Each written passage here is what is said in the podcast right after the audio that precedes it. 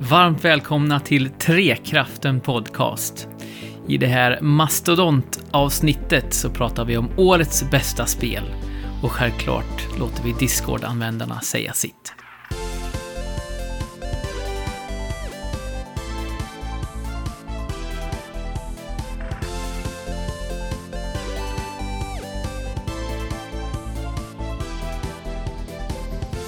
Varje steg det gångna året har lett oss hit. Det har varit en lång, slitsam kamp att ta sig hit, men nu är det äntligen höjdpunkten på 2020. Och 2020 var så dåligt, så vi tar höjdpunkten på 2020 2021 istället. För det är ju Trekraftens OBS, alltså årets bästa spel, eller egentligen då förra årets bästa spel. Eh, Trekraftens stora Goti-avsnitt är här hörni, och det är inte bara det, utan även Fabian är här.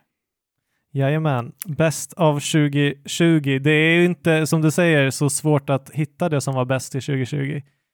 Uh, så att uh, idag ska vi helt enkelt presentera det. De står Jesper. ut som lanternor i en mörk, stormig natt. ja, de har nog aldrig lyst så här klart. Och uh, inte nog med att vi har Fabian och årets spel här, vi har också Andrew här. Ja, årets bästa människa kanske. Å årets Oj, Andrew. Här. Oj! Höjer du dig själv till Här höjer man sig själv, ja. ja, men du är ju där uppe. Du är med där uppe, utan tvekan. Ja, det är du, Tack. definitivt. I alla fall min lista. Nej, men hörni, eh, 2021 är här, Donald Trump är väck. Eh, vi, kan se tillbaka, vi kan se tillbaka på eh, många umbäranden och vi kan se fram emot eh, ett vaccin som du faktiskt redan har eh, börjat eh, eh, införliva i din kropp, Fabian? Jo, precis. Jag är eh, en av dem som eh, är väldigt privilegierad att vara en av de första som tar de här vaccinerna på grund mm. av att jag eh, jobbar i nära kontaktsammanhang. Eh, så att de anser att jag är essentiell. Eh, mm. Så att då får jag ta vaccinet nu, nu i början. Men det är som sagt riktigt skönt att det börjar, börjar att vi troligen är i början på slutet på mm. den här jobbiga perioden. Mm. Precis. Ja, det har ju varit eh, väldigt konstigt och eh, mörkt på många sätt, men en sak som faktiskt har varit eh, ett ljus i mörkret är ju spelen. Det är de ju alltid, men det har varit extra mycket så det här året tycker jag. Eh, att man verkligen har kunnat sjunka in i någonting annat och glömma eh, allt jobbet som har varit för en stund. För man behöver ju tanka om på det sättet ibland. Även om man inte gömmer sig från världen så behöver man göra det ibland bara för att eh, ladda batterierna lite. Eh, hur har ni sett på spel det här året, generellt sett? Både kvaliteten och bara hur, vilken relation ni har haft till spelen det här året? Uh, jag tycker att det har varit ett uh, solitt spelår, måste man väl ändå säga va? Mm. Uh, men sen när jag tittar tillbaka, jag har ju suttit här och filat på, på min lilla lista över de bästa spelen förstås, som vi ska presentera idag, så um, är det ju lite så att magi har jag väl kanske haft lite svårt att hitta. Men jag tycker ändå att lägsta nivån har varit extremt hög på väldigt många utav spelen som jag har spelat. Väldigt bra formulerat där. Andrew, ett exempel är alltså som sagt, jag, jag tittar tillbaka och tycker att spelåret har varit fantastiskt. Uh, men uh, då ska också sägas i samma mening att de bästa spelen jag tycker att jag spelat i år är inte från i år. Mm. Uh, Även om många av de väldigt bra spelen jag spelat från i år är i år. Och, och vi... då ska också sägas att jag har spelat Bloodborne i år och eh, Super Mario Galaxy. Super Mario Galaxy i år och, och Out the Wilds i år. Så. Just det. Och när vi säger i år nu genomgående så kommer, då menar vi såklart 2020. Uh, mm. Just det. Jag har inte skrivit 2021 någon gång än. Jag vet inte om någon av er, har någon av er gjort det än? Jo, men det har jag. Mm. Nej, uh, ja, men det har jag. jag har liksom inte riktigt fattat det än. Eh, sådär. Nej, det tar ju alltid tag. Ja, 6-8 veckor tar det enligt, eh, eh, enligt eh, forskning. Mm, att komma in i en ny rutin. Mm. Men du då eh, Jesper? Ja, men jag, för min del är ju det här ett riktigt bra spelår, ett kanonspelår faktiskt. Eh, förra året fick jag kämpa med ljus och lykta eh, för att hitta ett spel som verkligen berörde mig mm. ordentligt. Alltså man har ju, eller jag i alla fall letar ofta efter det där när man liksom bara slukas upp av ett spel eh, och får en enorm kärlek till det. Och det hände inte förra året överhuvudtaget, inte ett enda spel och det är deppigt. Mm. Och jag hade ju, jag vet inte om ni kommer ihåg, men jag hade ju liksom in i det längsta förhoppningen om att Wattam som skulle släppas i december skulle bli det, liksom, det Just sista det. spelet Ja, för året. Och det var ju en njutning, men det var inte alls på den nivån som, som jag hade liksom, ja, inte hade förväntat mig, men som jag hade hoppats att något spel skulle vara i alla fall. Och det här året så har det ju varit, eh, ja, ganska många spel som har känts så. Mm. Så det är väldigt härligt. Men det, det känns också som att det har varit ett, spel, ett spelår som passar mig väldigt bra. Eh, alltså de spelen som har kommit ut och varit riktigt, riktigt bra och välpolerade. Många av dem har funnits i genrer och typer som verkligen har eh, Mm. passat mig. Mm. Men sen, typ, jag tittar nu på, jag har ju ett dokument eh, på min dator där jag skriver upp eh, avklarade spel. Jag har gjort så ända sedan 2014. Det är faktiskt ganska kul. Ett tips till alla.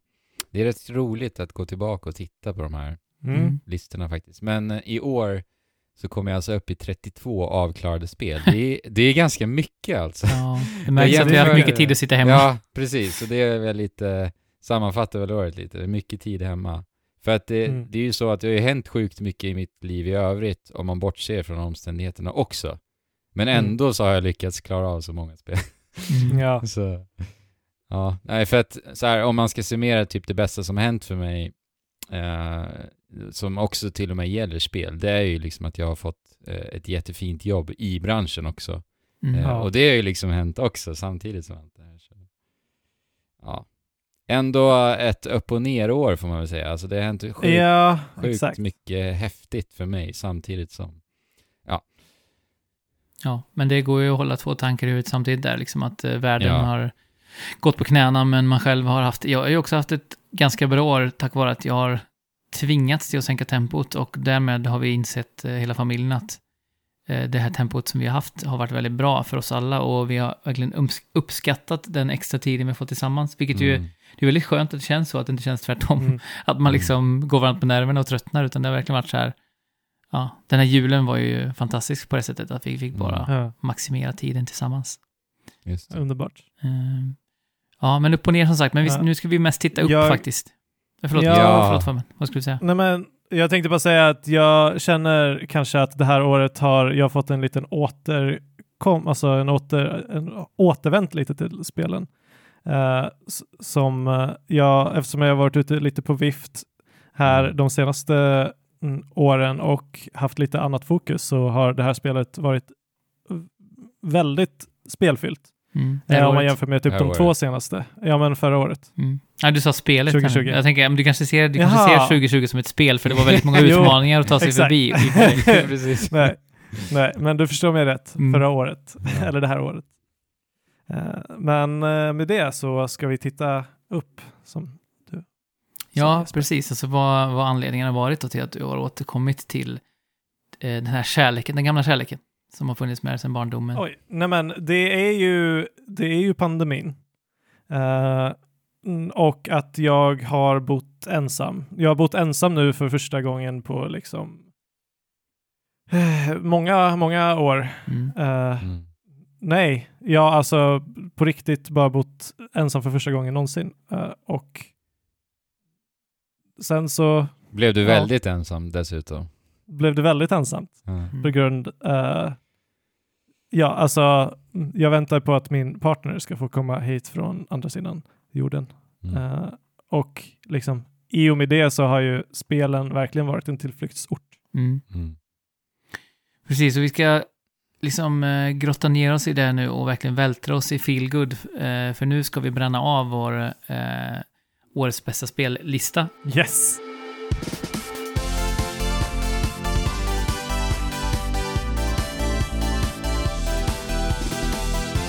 Och eh, vi kommer göra det på ett lite speciellt sätt kanske. Vi kommer att prata om spelen förstås, men så kommer vi framför allt att ha fyra stycken eh, eh, hållplatser som vi stannar till vid vid varje spelresa.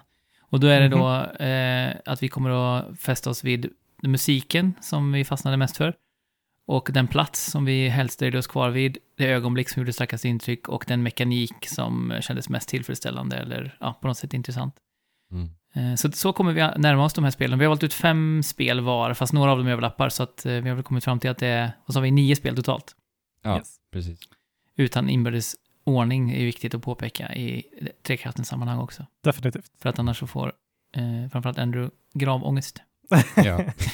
Och det ska vi inte ha nu, utan nu ska vi mysa och njuta. Och det gjorde man ju verkligen det för spelet var på vår lista. Alltså är det någonting som Ja. räddade oss ifrån pandemi, Ja, skräcken och lät oss Ja. mysa och njuta så var det ju att skapa vår egen ö och eh, Mm. för slut förvärvade pengar bygga ut den eh, i Tom Nooks regi.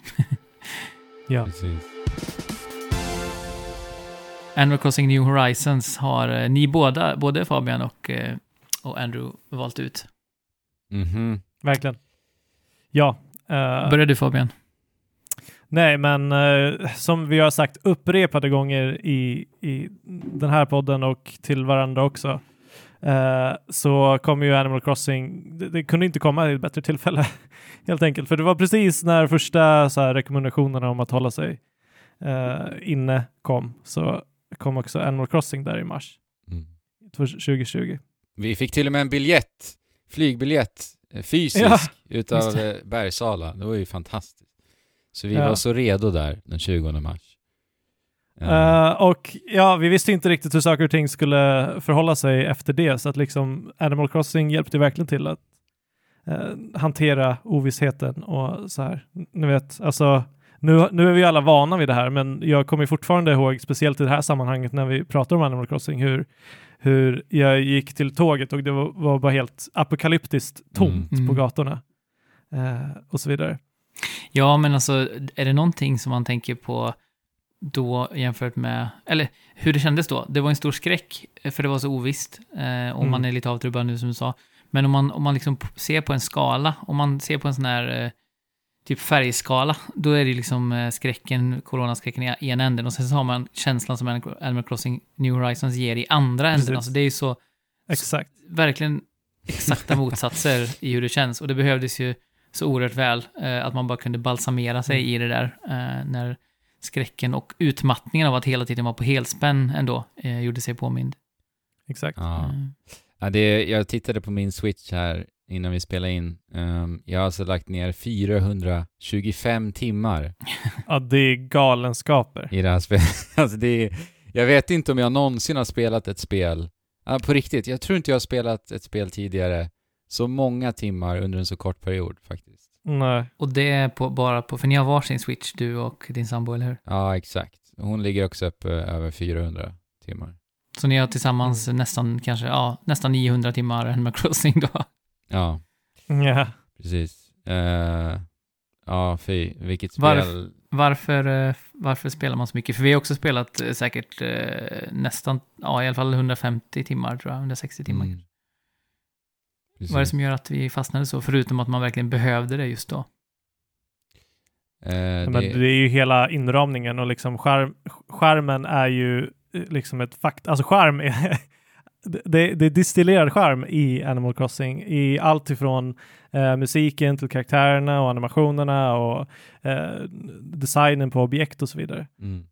Det är liksom bara helt enkelt tillfredsställande att befinna sig i den Precis. världen och interagera med dem. Alltså det är någonting det här spelet bara gör. Alltså jag kan på riktigt sätta igång Animal Crossing och bara vandra på min ö.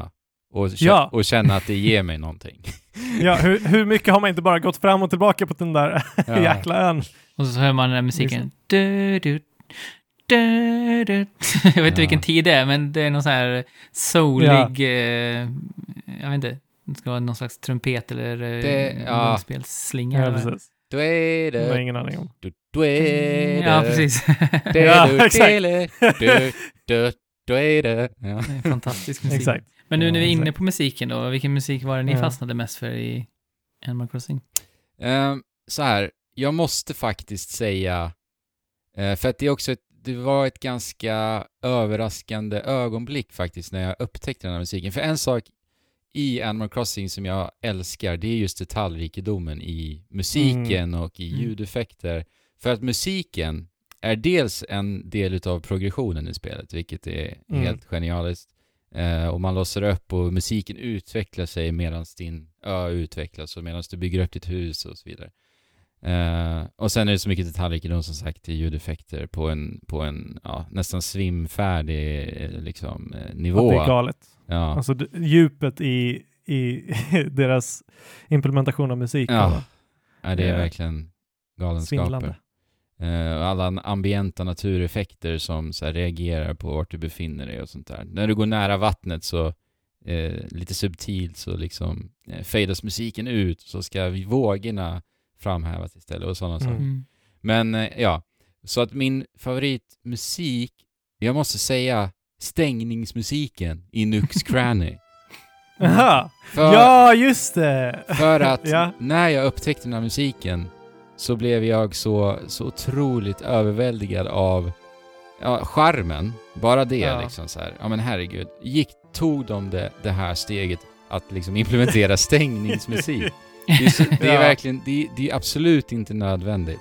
Men det här tyder bara på Nintendos liksom, ja, fingertoppskänsla och, och nivå av kvalitet. Och jag bara så här översköljdes utav charm och eh, ja, bara värme. För att den här låten Ja. är, den är liksom sorgsen Ah.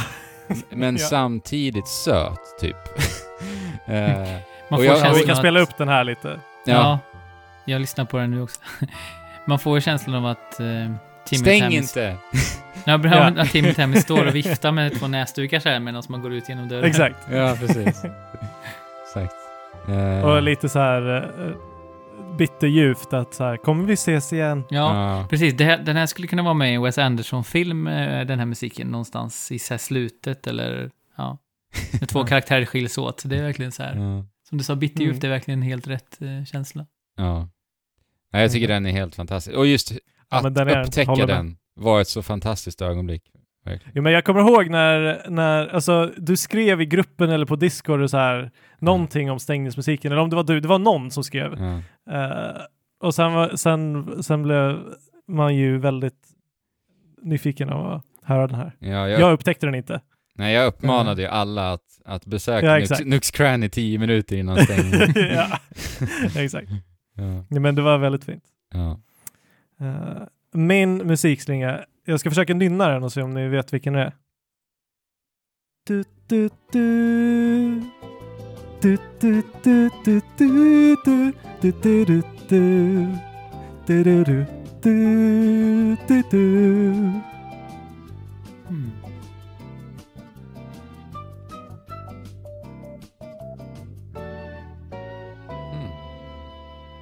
Nej, Jag har hört den tusentals gånger, alltså, hundratals gånger. Äh, vänta nu, är, det- är det låten som spelas innan du har låst upp Nej. musiken? Nej, okej. Nej. Nej, men det är klart man har hört den tusentals gånger, men alltså så här, alla de här, all musik som spelas när du är ute och traskar i spelet är ju ändå rätt Ja. lika varandra, det får man ju ändå säga. Så Ja. det är lite svårt faktiskt att Men det här, det här är en liten, ehm, alltså det händer vid ett specifikt tillfälle och det är Ah, när okej. du eh, anländer eller besöker någon annans by. Mhm. eller Mm, ö. Ja, det hörde man ju. Ja. Det hade man ju ofta. Ja. Eh, och dels för, och jag väljer den här musikslingan för att det eh, var både sjukt irriterande, så att det satte ett, Mm. ett märke, men också att det var ett av de bästa med de här spelen, att liksom interagera med varandra socialt. Mm. Eh, sen behöver det inte vara att åka till varandras öar, men att skicka mail, brev Mm. och sånt. Och, eh, Jag tycker var också fantastiskt. det är väldigt fördömligt att eh, det är trumpet som är ledande instrumentet i, i huvudtemat. När, när Just. den eh, går igång. Du, du, du, du, du, du, i, när, man in, Mm. när man, innan man trycker på startknappen. Eh, atten, vad, säger, vad heter det? Den här... Eh, Titelskärmen. ja, men det Ja. heter, heter något annat på engelska. Eh, attraction screen, eller vad heter det? Typ på gamla arkadspel. attraction screen. Ja, men attract screen. Ja, men den Jaha, musiken ja. är ju... Så, man kan nästan låta den vara på bara och se Mm. karaktärerna vandra runt. Jag har faktiskt runt. aldrig låtit det här vara på i, sin, i huvudmenyn. så jag vet inte. Nej, det, men det är Men, ju eh, det är Animal huvudtemat eh, som de har använt i alla trailers och Jaha. sånt också. Ja, okej. Men, men, men jag ska inte lägga mig i för mycket här. Men eh, vilka platser har ni uppskattat att vara mest på? Det här är ju lite en kul Ja. kategori i det här spelet, för att då är blir det. ju genast dina egna skapta platser. Och jag måste ju då ja. säga, min Ankö, det är, ja, min, såklart. det är min favoritplats på min ö alltså. såklart. Jag kan säga att det är min favoritplats också. Ja, det är det. Ja, vad kul. Andrews anka. Kan du beskriva din ankö? Ehm, jag har alltså en ankö, det är som det låter egentligen, en ankö. eh, som då uppdagas eh, bak, eller framför blir det ju, ett, vatten, ett stort, stort vattenfall. Eh, och så har jag placerat den väldigt fint med en bro, en hängbro framför ön också, så att man kan blicka eh, ut över den här ön och, och se det fallande vattenfallet bakom ön. Ja. Och det som är fint då är att på den här ön så har jag helt enkelt placerat eh, alla utav ankorna som finns, alla de här ankvarianterna. Attrappankorna. Precis. Ja. För att jag älskar de här ankorna, de är så fina. Eh, så har jag Ja. dekorerat det lite snyggt så att det ser lite så här eh, organiskt, naturligt ut. Jag fick till det riktigt bra, så att det här är min favoritplats. Alltså. Både din och din partners ö och Alex ö och eh, hans partners ö och massa Discord-öar. Alltså, det är fantastiskt. Men man ser ju att du, du har lagt 400 timmar på dina. Eh, och det har ju gett resultat. Mm. Ja. Eh, men n- en av de bästa händelserna då? Har du någon så här? Alltså det ögonblick? här var ju så svårt alltså. För att det, Det är går så ju inte att- Nej. Det är så mycket bra grejer. Så att Alltså det jag har liksom- skrivit en lista, jag ska bara rabbla upp den. Okej. Jag, jag och Alex blev osams, har jag skrivit. Eh, vi, Okej. ble, vi blev osams över turnips. Jag behöver inte gå in på hela, hela historien, men det hände. Det var ändå ett ögon, ögonblick som var, blev minnesvärt. eh, Cosplay-tävling på Discord gjorde vi, Ja, som, fy. som Conor Dargo satte upp. Eh, Ja, var vi firade åh. fem år med Trekraften i Animal Crossing med våra lyssnare. Mm. Eh, vi firade Erik på Discords födelsedag i Animal Crossing.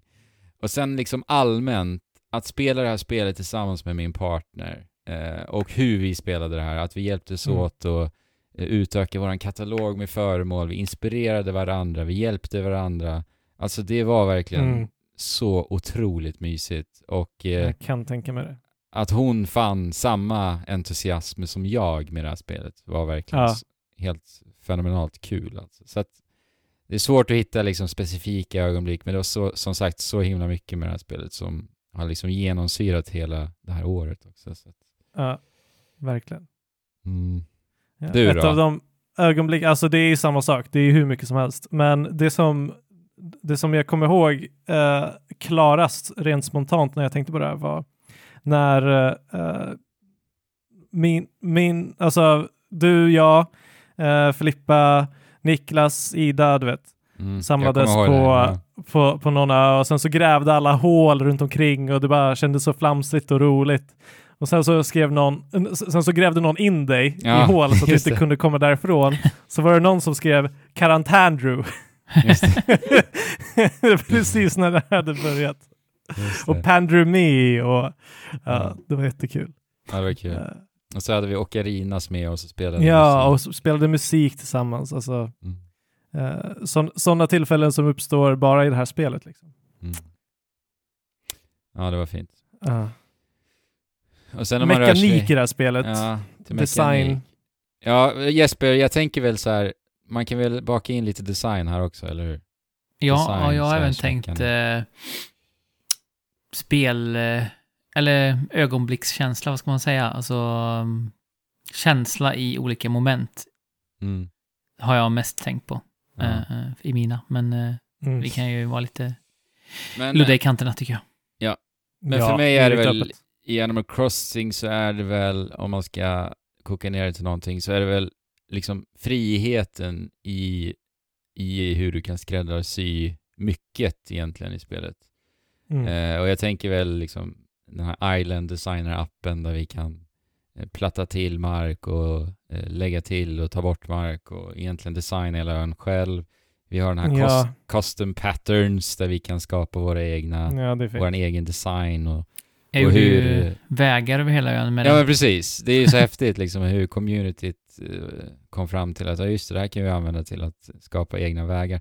Det var ju en del av tidigare spel också, men det här är ju typ, jag har ju spelat Animal Crossing och det här är det andra Animal Crossing-spelet jag spelade, så för mig var det jättemycket nytt liksom.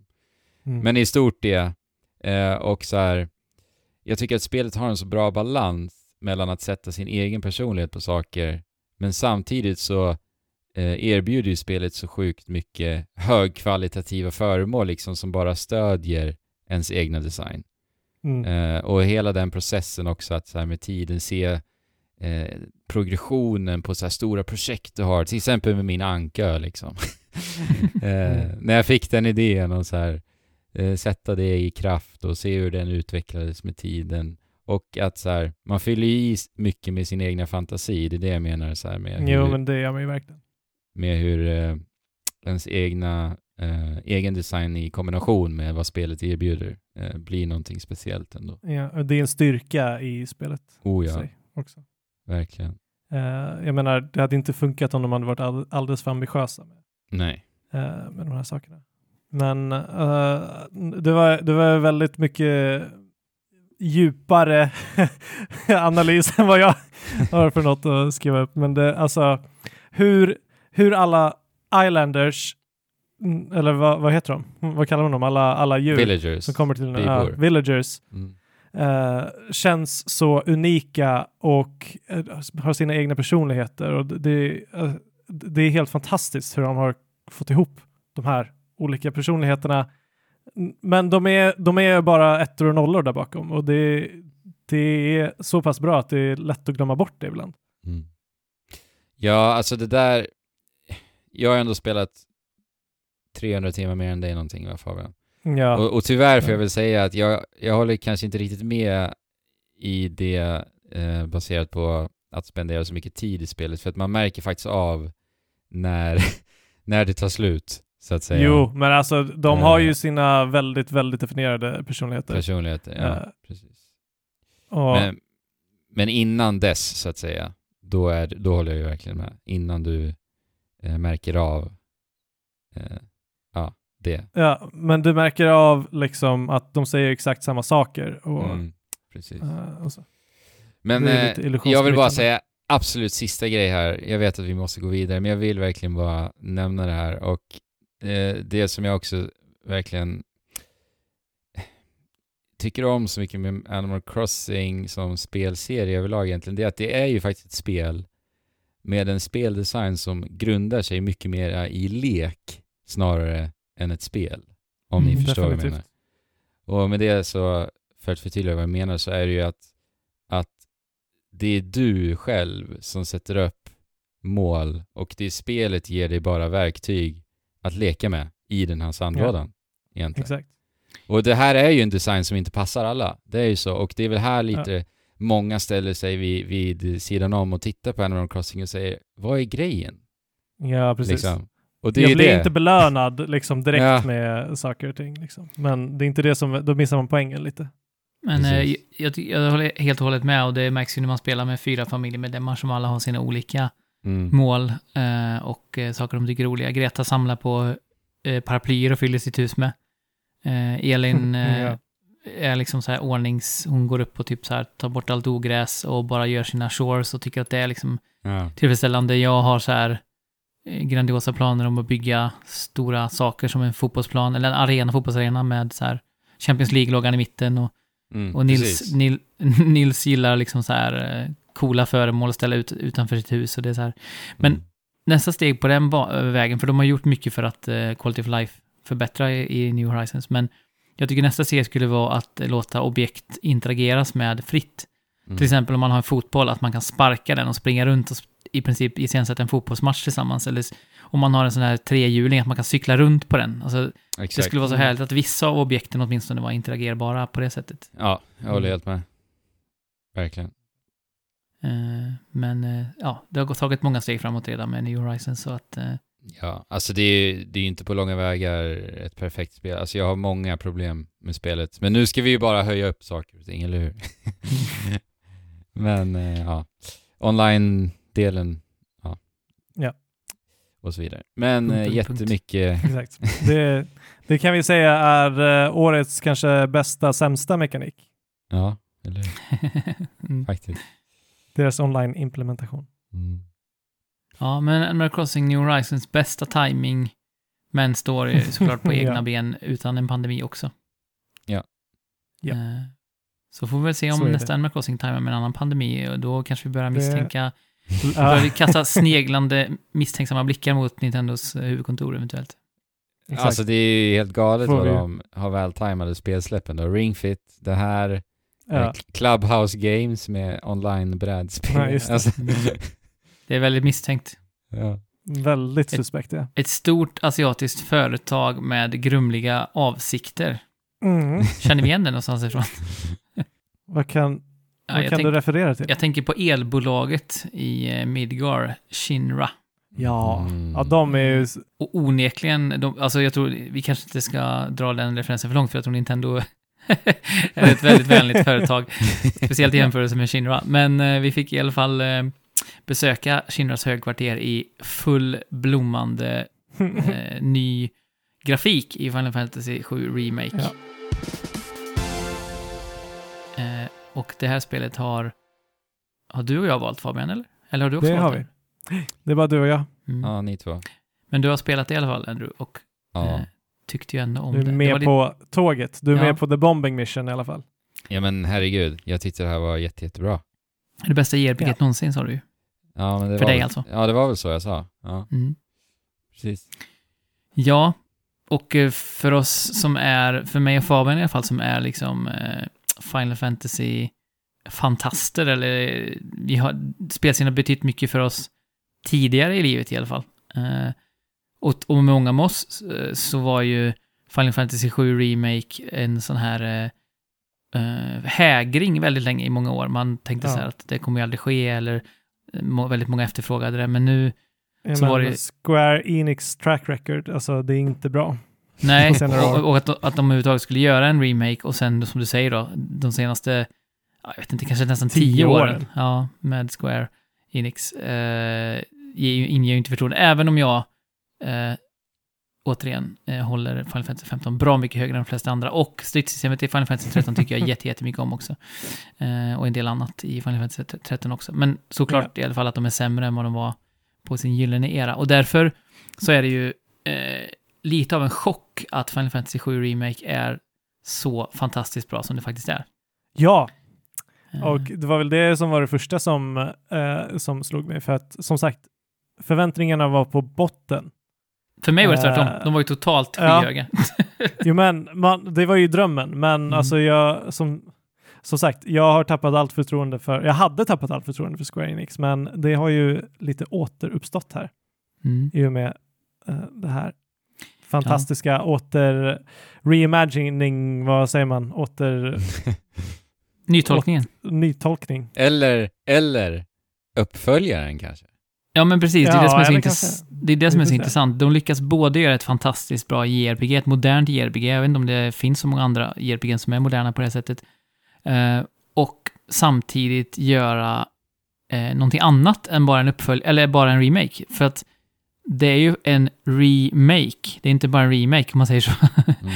Utan det här är ju någonting precis. annat. Det är en metakommentar på Final Fantasy 7 som är extremt intressant samtidigt som man spelar ett fantastiskt bra spel. Mm. Ehm, och sätter, tar avstamp ifrån, eller tar, av, inte avstånd, men man, man, man svänger iväg ifrån originalspelet och visar att härifrån, eh, från, från med nästa spel i spelserien så kan det, all bets are off, det kan Ja, hända precis. precis vad som helst. Allt, allt kan hända. Och det eh, det är en positiv grej för att Ja. nu, nu har vi ju, nu vet vi inte vad vi ska förvänta oss och det sätter ju lite extra spice spänning till, till det hela. Men eh, om vi Och dyker in i Midgard för det var ju bara Midgard vi befann oss i i Final Fantasy 7 Remake. det var det. Men eh, musiken är ju kanske en av de bästa sakerna med det här spelet. Men det måste vara det svåraste spelet att välja ut någon specifik. Nej, men det går inte. Nej, eller hur? Det går ju inte.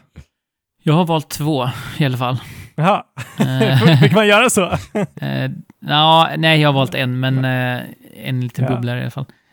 Men det, det här har ju, om ni har lyssnat på, på vår spoilercast eller den, det avsnittet när vi pratar om Final Fantasy original eh, avsnittet så att säga, då så vet ni att jag tycker att Do Recompense är en helt fantastisk Ja. låt. Och det beror ju mycket på att den är så knasig.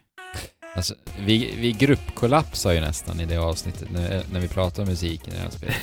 Mm, ja. Ja, nej men den är ju helt, alltså som sagt, att, att göra, mm, att göra en nytolkning på ett av de bästa spelsoundtracket någonsin, Ja. det är ju redan en, en krossande börda i sig liksom.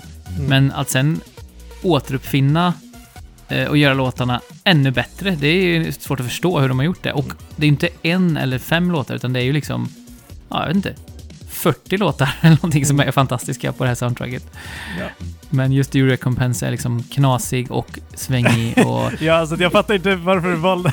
Hur kan du, du kan välja... Det, det måste vara någon slags överslagshandling för dig.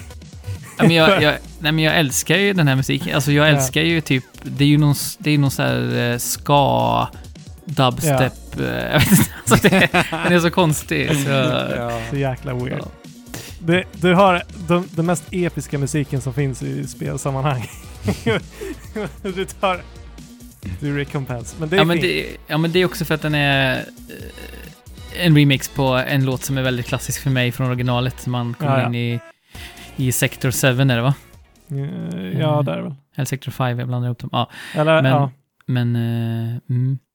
Eh, och, och sen inom parentes har jag skrivit Airbuster också. Det är ju en metal-låt. Ja, Eh, Mättar-Jeppe. Ja, men, men eh, redan originalet är ju fantastisk och här har de liksom vridit upp reglaget till 11. Eh, och den slutar aldrig heller, det pratar vi om också. Den, den börjar ju extremt röjigt. Och sen så bara maxar de. Och den är ju typ sju minuter lång, men den ökar i tempo genom hela låten. Mm. Så till slut så sitter man bara och, jag vet inte, headbangar eh, sönder Ja. sin skärm i slutet på den här. Ja, exakt. Men har du, valt, har du valt ut någon? Nej, men alltså, när jag tänker på den här musiken nu så av någon anledning så är det någon som har fastnat för mig. Nu, nu säger jag inte att det här är den bästa musikslingan. eh, i det här Hip Hop the spelet, Chocobo. Men jag tycker, Yes. jag tycker att den är, eh, eller låten är ju hur fet som helst. Men eh, det är uh, Teddybjörnen Fredriksson. Va? Nej men ni vet den här. Ja, ja, ja, herregud. Jag tänker alltid bara på, på ehm, just i den strofen tänker jag på Just det. Teddybjörnen Fredriksson. Eh, Ah, okej. Ja, nej men det är det- en hi- det är ju- highway-musiken. Nej, det är ju, vad heter det, um, Genova Third Face. Ja, du, du, du, du, du, du, du, du, du, du. Ja. Precis. Okej. Eh, Ja, den, den är är ju riktigt fet. Den är grym. Man skulle kunna typ så här eh, åka snowboard till den låten. Den skulle passa perfekt till det. Ja, jo. Någon, någonting röjigt, episkt. Men eftersom att du tog två så tar jag också två. Mm. Uh, Shinras theme är ju bara Mm. så... Är det Dawn? Da, da, da, da. Eller? Ja, där. Da, da, da, da. Åh, jösses Ja. vilken låt. Ja, den är sjuk. Vilket arrangemang. Ja. Du, du, du. Ja. Ja, men det, det är så foreboding liksom. Och Ja. den verkligen uttrycker ondskan. I, Da, ma- da, ma- da. ja. Vi får Men- köra, vi kör ett avsnitt där vi bara så här ehm, går igenom låtarna. kyrkokör sjunger Ja. låtarna i Final Fantasy Remake. Vill ni ha det så kommentera på Discord så ska vi Ja, se till att det händer. Så det, det skulle faktiskt vara kul. Mm. Eh, men eh, ja, det finns... Här har vi ju som sagt fått återuppleva Midgar som vi tidigare bara har sett i kulissform. Mm. Mm. Vad... Ibl- ibland fick vi faktiskt se det i kulissform även i Ja, det det här fick vi spelet, ska faktiskt. sägas. Det, det, det har du väldigt Men-. I- Får jag bara, för att jag älskar musiken i det här spelet också. Eh, Mm. Och jag vill bara nämna då, jag har ju som sagt inte spelat original, så jag har ju liksom ingen koppling alls till originalet. Och där, genom det så har jag egentligen inte lyssnat på eh, musiken till originalet heller. Självklart har jag hört eh, Battle Theme och så vidare. Men, One Winged Angel. ja, One Winged Angel och så vidare. Men, Aeriths, Ja, men Theme. den är... Alltså, Mm. den, den har ju inte jag hört riktigt på samma Nähä, sätt som alla okej. annan. Så att jag upptäckte ju den egentligen med Final Fantasy 7 Remake. Och det här, det här är en musik och en, ett stycke låt som så här. Om ni någon gång vill bara få mig att sluta fungera, då ska ni bara sätta på den här låten. Alltså för att Mm. jag typ, jag störtbölar så fort jag hör nå- någon ton ifrån den här eh, låten. Ja. Speciellt den- remake-musiken. Ja, och hur den bara börjar. Alltså, ja, alltså arrangemanget i det här spelet ju. Ja, Ett Och sen- enkelt avskalat piano bara. Som, Mm. Men sen så eh, dök det upp en, ett arrangemang i Super Smash Bros nu Mm, när ja. Och den är också bara helt fenomenal verkligen. Så att, Mm. ja. Yes. Aris Theme. Ja, nej, det är ju som sagt, man skulle ju kunna säga nästan 90% av musiken i spelet skulle man kunna nämna nästan. Ja. Mm. Mm. Ja, men du var inne på det Fabian, att vi har fått se platser som vi har sett förut, men med en helt annan... Eh, från en helt helt annan perspektiv. sida. Ja. Eh, vilken plats har du känt dig allra mest eh, berörd och rotad i? i? Alltså berörd och rotad i. Alltså, det, det uppenbara alternativet skulle kanske vara att säga där på, på eh, lekplatsen. Men, Mm. eh, men jag gillade faktiskt att vara i slummen Mm. mest i det här spelet och specifikt i Sector 5, se skolan eh, och liksom få en liten inblick i hur livet är i, är i Midgard, liksom Mm. i, under plattan. Eh, Och där vi titta också upp får- på plattan. Ja, och titta upp på plattan. Eh, speciellt där, där det är lite växtlighet också, är det, är det väldigt fint, som är väldigt få förunnat i, i den här världen. Men där vi också får, får bemö- äh, möta de här ungarna och läraren som vi sen också får veta drömmer om att bli en dansare och så vidare. Det, Mm. det liksom ger lite mer substans till hela runt Ja. om. Ja, men det var de bra på, för att det finns ju en glättighet och en ytlighet i spelet generellt. Ja, Och det gillar jag verkligen. Men de här små stunderna, som du sa, hon som ville bli dansare, eller eh, att eh, barn, de här barnhemmets, eh, de som sköter om barnhemmet, det fanns ganska många genuina fina stunder i, Ja, men i eller hur? det där. håller med. Mm. Vad men jag, du för plats? jag är väldigt svag för när plattan har rasat ner Ja, eh, över slummen och eh, in, inte när man befinner sig där nere för det är deprimerande deluxe, men när man kommer upp och ska klättra upp till, eh, ja. till Shinra och verkligen nu ska, de, nu ska de få för vad de gjort, så kommer man ju Det- upp till ett, ställe, ett kapitel som heter The Day Midgar Stood Still. Exakt. Eh, och det är den här blodröda himlen och man ser ut Mm. över, eh, över, över slummen eh, på sin Ja. väg upp. Det ger en sån otrolig känsla av mening och framåtrörelse och eh, ett, eh, någon form av hämndbegär som liksom växer där när man är där. Ja, och dessutom där med Cloud när de säger så här. "N- Du kommer hjälpa oss att bygga upp baren igen va? Mm. Han bara for a price och alla bara ha ha ha. Mm, just det. Cloud. Absolut, en av de bästa scen. scenerna i spelet, för det fullbordar liksom Clouds resa från så här avstängd eh, machosnubbe till Mm. att så här, hans skal är liksom brutet där. Exakt. Eh, och det är väldigt fint. Ja, nej men det är där och sen så även då när man befinner sig eh, man är på väg in i Cornelius Colosseum och fightas mot huset bland annat. Mhm. Eh, bara att stå där och liksom peppa att nu ska jag snart in här som en Mm. frustande boxare. Och framförallt den här smutsiga syntslingan, det är ju också för övrigt en av Ja, de bästa låtarna i hela spelet. Och så bara pumpar det liksom. Man känner nästan hur man ska själv in där och fightas. Ja. ehm, men du var inne på det här med... platser också. Ja, jag kan inte låta Ja. bli. Eh, men men eh, Fabian, du var inne på att det här ögonblicket med, med Cloud, där han så här skämt, han driver med sig själv för första gången Ja. kanske, var ett av de bästa tillfällena. Men har du fler tillfällen som du så här minns, eller ett tillfälle? Alltså jag, jag älskar ju high five segmentet. Det, är- det är så jäkla awkward Ja, och med- cringy Med Aerith. och, och så jäkla fantastiskt. Det är alltså Aerith och eh, Cloud som försöker ta sig fram genom den här, eh, eh, Ja. vad är det? Men- ja, men det är massa robotarmar och grejer, de ska ta sig Jag, fram tycker- genom någon jag tunnel. älskade det också. Alltså. Ja. För att det går ju lite in i också det här metanarrativet ändå på sätt och Mm. vis i spelet. Mm. Så att jag tyckte ändå att det funkade väldigt bra. För Cloud tycker men- ju det är astöntigt och hatar att göra Ja. det, till att börja med. Ja. ja. Mm. Och Aerith är så, är så fullt medveten om att Cloud hatar det. Ja. Ja. Det är så här. Men, ja. Och hon, som, som sagt, hon, Harriet är ju den som hela tiden eh, väldigt medvetet bara försöker borra sig in genom hans skal. Ja. Är Genom att typ det. eh, tracka honom och så här, Ja. Mm. Eh, ta ner honom på jorden hela tiden och så här, eh, ja men driva med honom egentligen. Ja, Ja. ja, exakt.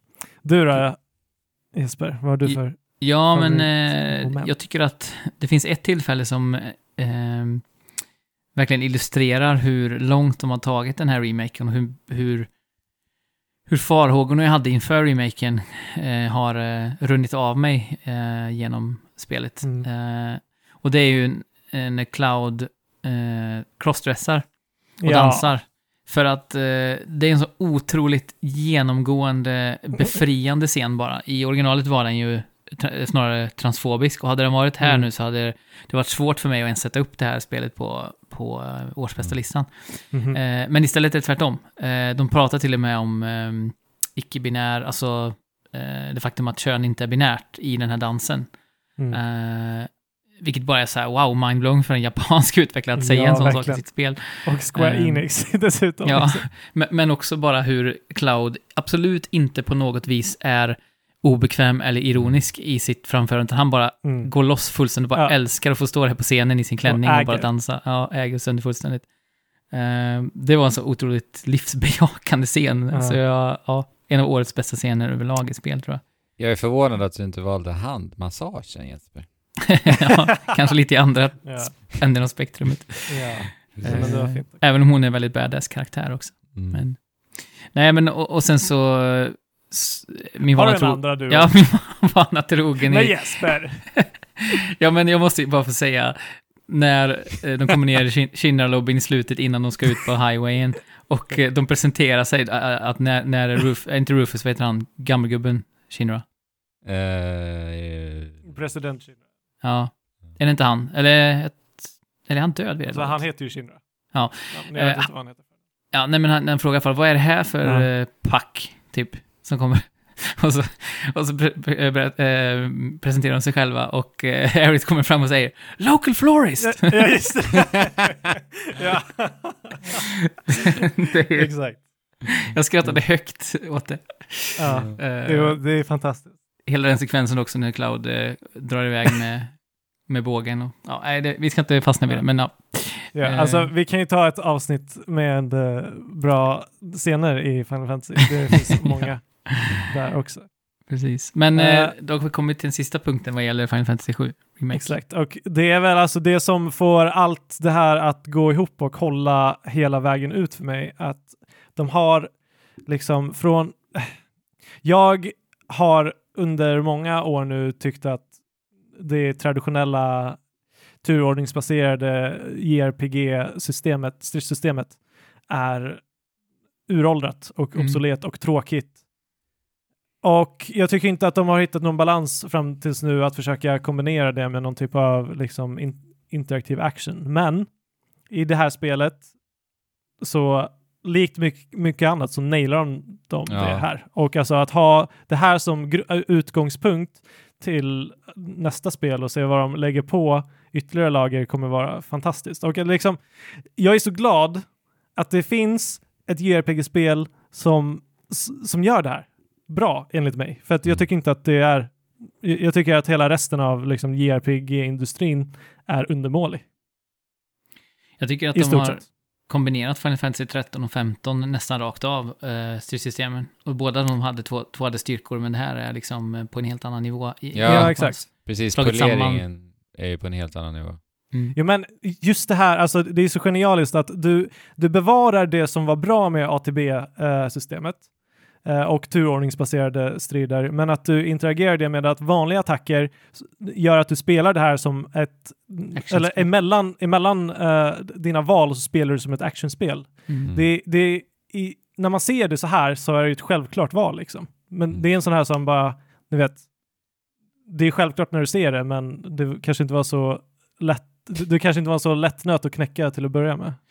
Nej. Och, och även kombinationerna mellan karaktärsskiften och så vidare Mm. och synergier mellan karaktärerna. Ja. Det Och det som gjorde det här riktigt bra var ju också kamerarbetet och Ja. animationerna. Fantastiskt Precis. bra. Ja, och bara Eh. pausa då, dra upp sin pausskärm och bara titta, eller alltså när man då går in i menyn Ja. för att välja, och bara titta runt omkring sig vad som händer var ju Mm. hur mäktigt som helst. För, Mm. Exakt. för det var ju som att liksom frysa tiden och bara så här, rotera runt och titta. Ja, där flyger en stor varg emot mig för full kraft. Här är en stor låg, Mm. eldslåga som slår upp bakom den och här är den. Det var liksom så himla mäktigt. Exakt. Mm. Så att Mm. G- JRPGs Gs are go- jag kan inte prata. JRPGs are coming back, mm. kanske. Mm. Precis. Ja, men jag, en, jag har zoomat in på en av sakerna. Jag har faktiskt bara en sak här. Mm. Eh, Och det är Men- lite oväntat för mig kanske att det var en av Barretts attacker som jag tyckte var härligast. Och det är ju Mm. Maximum Fury, där han använder alla sina eh, tillgängliga ATB-bars och eh, bara liksom Ja, matar med sin minigun. Eh, Ja. Och eh, den bygger ju stagger jättebra på vissa fiender framförallt. Och har man parat den med en eld eh, materia, så de flesta, um, ehm, vad säger man, eh, biologiska varelser eh, får ju jättehög stagger direkt när han Mm. bara mosar på. Och man kan ju bygga upp massa ATB och bara låta honom gå loss. Så det var en Ja. extremt tillfredsställande känsla tyckte jag. Mm. ja, men den användes ju friskt. Friskt du Fabian, jag vet inte om man kan kalla Mm. Bugsnacks för friskt på något sätt. Bugsnacks är sjukt. Ja. Och alltså, det är, det, det är faktiskt det som är en stor anledning till varför jag väljer att ta upp det i det här sammanhanget. För Mm. jag tycker inte att det är det bästa spelet, liksom. men jag tycker att eh, det gör, alltså eftersom att det gör någonting annorlunda så får du mycket pluspoäng. Eh, och eftersom att det, de gör det så bra. Eh, och jag menar, vad jag menar med det är att jag tycker att spelet höll från början till slut, men det är också, ef- eftersom att det var så kort, så, så gjorde det det. Men om det hade hållit på väldigt mycket längre eller om, att du var, om du var tvingad att göra mycket mer saker så hade det blivit uttjatat och repetitivt. Mm. Men, alltså, Young Horses har, har bara gått helt crazy. Alltså jag vet inte vad de, eh, vad de eh, valde att konsumera när de brainstormade det här spelet. Liksom. Fatta vad roligt, eh, det måste ju vara ett av de bästa spelen någonsin att just eh, koncepta och brainstorma Ja. kring. Eh, ja, Ja, men vi de gör har ju en- släppt alla hämningar liksom. Eh, Ja, precis. Och det Och- gäller ju karaktären också egentligen, inte bara själva bugsnacksen utan karaktären i sig också. Jo men exakt. Och det, det här spelet har ju väl, you are what you eat väldigt, väldigt literally. Mm. Eh, och det, det är så, alltså, den känslan som jag får det här spelet är så sjuk på ett sätt. Alltså det, det är lite så här kroppsmutilations... Ja. eh, du Det är vet- body horror alltså. Ja, ja, exakt. Body horror är ordet. Eh, samtidigt som de står där med sina dumma smiles. eh, Och musiken. Och har sina dumma- ja. Musiken är så bra också. det Ja, är så är passande och allting, allting är också så fint och sammanflätat.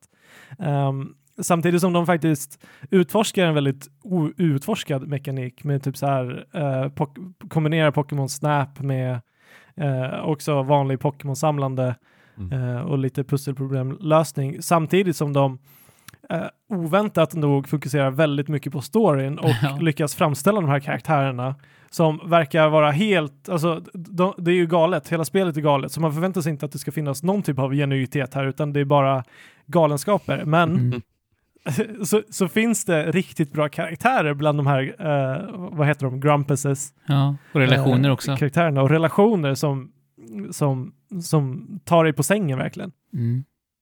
Och såklart, den här, det här spelet introducerades, eh, eller tog min uppmärksamhet i och med eh, intromusiken, eller inte, inte intromusiken, men eh, Trailermusik. vad heter det, promotionmusiken, trailermusiken av Kero Bonito, Bugsnacks. Som vi så sjung, eh, så, så fint sjöng. Exakt. Eh, Och det är en av mina mest spelade låtar förra året. Ja. Eh, Alltså, jag måste bara avbryta och säga att jag- kom på en sak vi måste göra i framtiden med, eh, typ, vi körde ju Tre Kraften online. Vi Ja. borde köra en karaokekväll, en spelioke-kväll där alla får lägga in sina favoritspellåtar i en playlist och sen scrollar vi loss tillsammans bara. Och bara få gå Nej, loss vilken bra idé. Skriv ner det här så att vi inte glömmer det. Och ni som eh, lyssnar och är anslutna till Discord, eh, kom ihåg det här. Och ni som lyssnar och inte är anslutna till Discord, anslut er till Discord och var med på det här spe, Ja. Spelioke. Ja, men tänk att sjunga liksom eh, Bugsnax-tema tillsammans, tio pers, liksom, bara skråla. Ja. ja, Och det är Mm. cringy och mysigt och roligt och dåligt och bäst i hela världen. Och, eh, Jesper, du vet wait. att jag och Fabian har ju faktiskt varit, varit på en speljoke på riktigt. ja, det har vi. Mhm. Ja. Det, de kallar Men, det eh, för Marioke. Ex- Ja, Just det. så bra. Just det. Mm. Men det hör till en annan historia. Ja. Just nu Ja. pratar vi om bästa spelen från förra året. Mm. Eh, så att det är min musikslinga, Bugsnacks, Mm. det här spelet. Eh, och som sagt, när, jag snackar om rela- när vi snackar om relationer och karaktärsbyggande och så, så eh, var en av de mest slående dialogutbytena här eh, mellan Chandler och Snorpy. Alltså jag älskar de här namnen. Snorpy, Bilbo. alltså vad är det för något? Men de, de, de porträtterar ju ganska bra karaktären också, hur de är. Snorpy, alltså han skulle Ja, verkligen kunna är beskrivas som, som Snorpy, liksom, utan att man ens vet vad det betyder. Shadlow i Bro. Ja, exakt. Ja. Det, det är verkligen... eh, och, ah, det är så bra det också. Men eh, när Shadlow, som då är en, konspira en konspirationsteoretisk ingenjör... Nej, Snorpy. eh, vad sa du? Snorpy menar du? Ja, det är Snorpy. Jag sa Ja, Chandler. Chandler är hans eh, ja, Det, det är uh, uh, bro, bro-duden. mm, sports Eh, bro-duden. Sports bro-dude som också är spirituell. Mm. Eh, och så, kom, så, eh, så har man pratat med Snorpy och han samlar mod till sig för att gå fram till Chandler. Eh, och så frågar han Do you want to be my boyfriend? Mm. Till, till eh, Chandler. Chandler. Chandler sa, säger "That- Dude, that makes no sense. Mm. Och Snorpy bara "Nah, Okej, glöm det typ. Eh, och så säger Chandler då Dog, we've been dating for years. och Snorpy bara, ah, you know I, I hate ambiguity. typ, och sen så pussas de och sen så, så här, Ja, det är verkligen Eh, ett av de finaste ögonblicken i spelet. eh, verkligen. eh, Han är så otroligt neurotisk hela tiden, men han blir liksom Ja. lugn i, i närheten av Chandler med hans stora bringa. Jo, men och det är inte det man förväntar sig när du träffar de här personerna för första gången. Det, först så känns de liksom som väldigt omaka par och så vidare. Mm. Eh, så att alltså, sättet som det här spelet leker med dina förväntningar är också spot on. Mm. Var det bästa platsen eller bästa ögonblicket? Eller Det var båda? bästa ögonblicket. Mm. Um, mekaniken är ju det här body mutilation-grejen. Som, alltså, jag tycker inte att det är den bästa mekaniken, men det är just de här känslorna som det fram, frambringar. Body, body horror i Det- det, här sammanhanget. Alltså det, jag, Man blir ju jag fattar inte. äcklad, alltså man mår Ja. lite illa emellanåt. Ja, och det, det, är så, det är så äckligt och fult och kladdigt och du vet. Men de älskar det. De bara wow, yeah!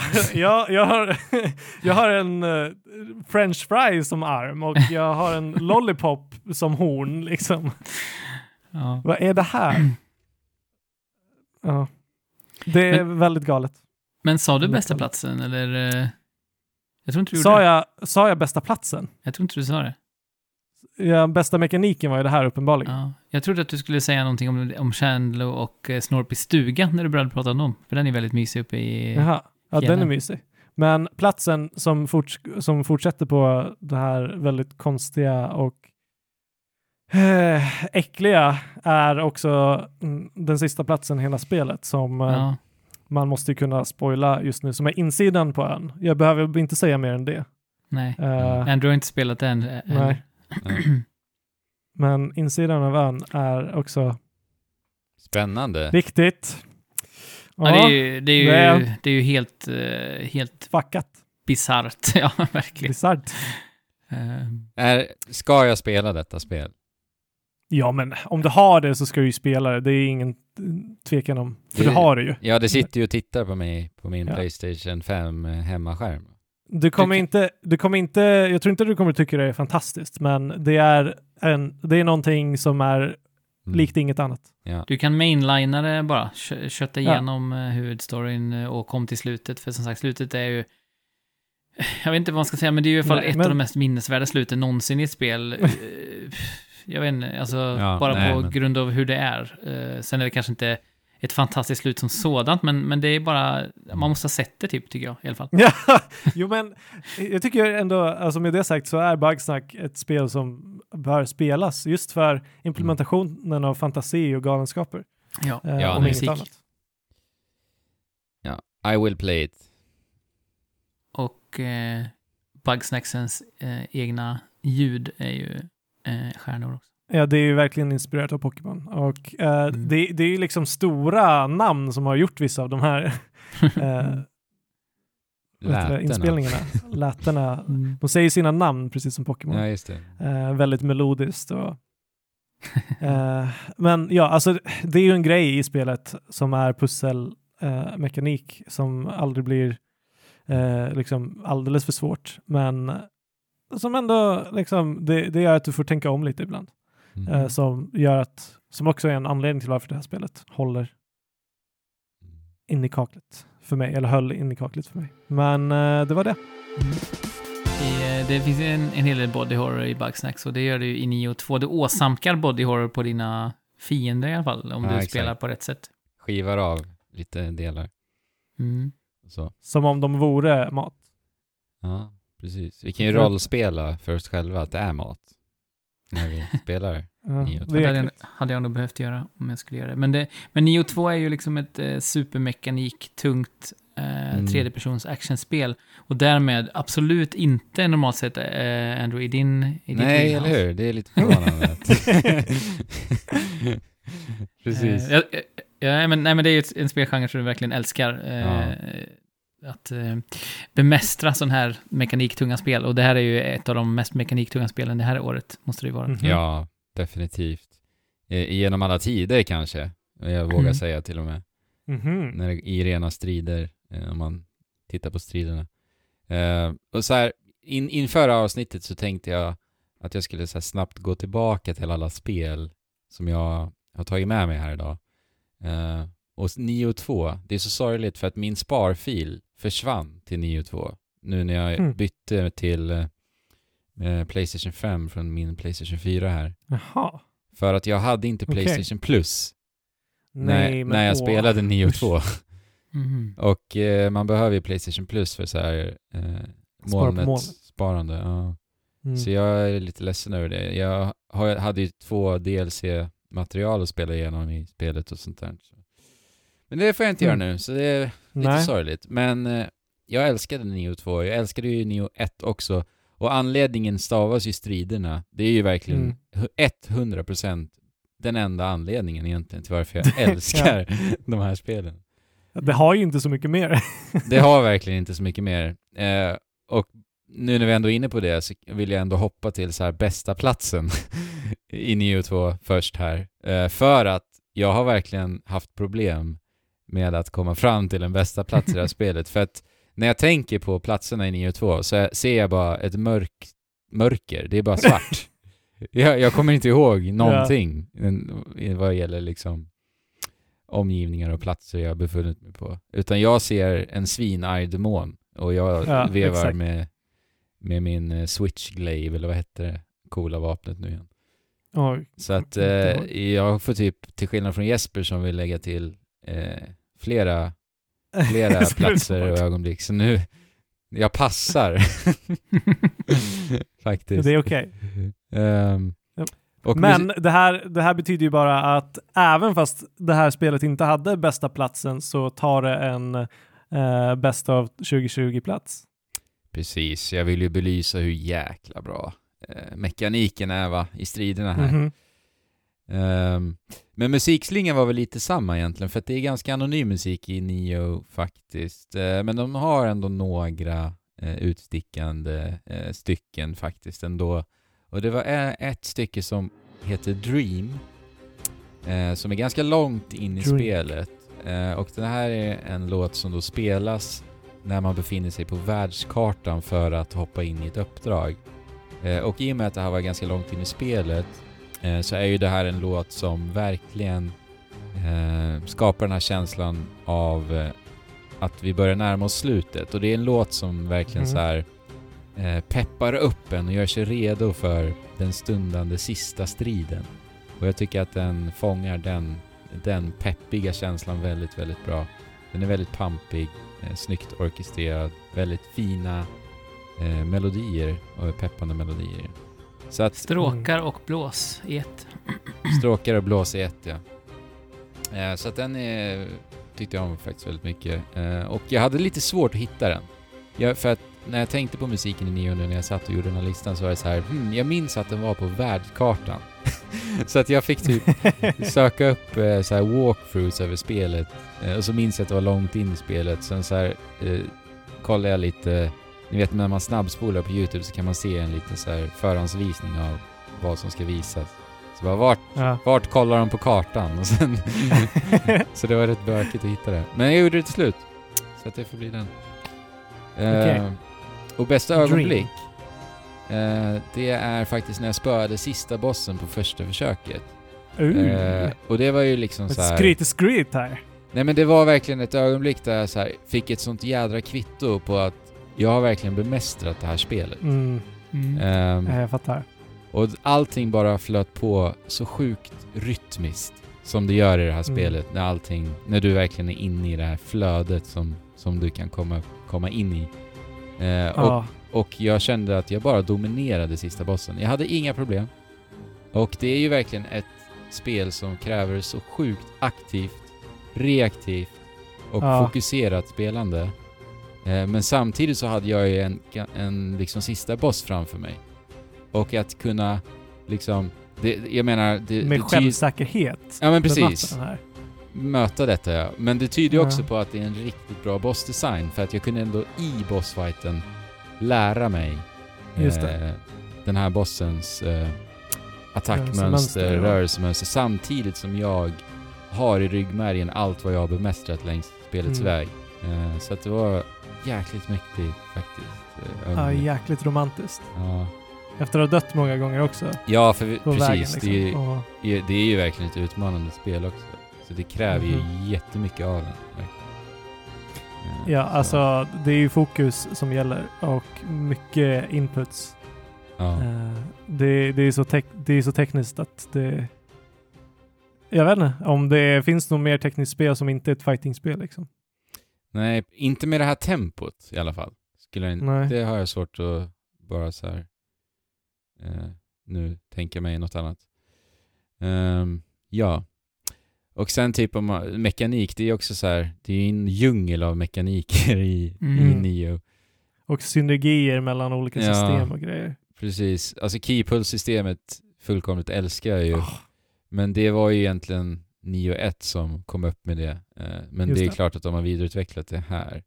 Men sen är det ju de här demonkrafterna, för att protagonisten i spelet är ju så här halv demon, halv eh, människa då. Mm.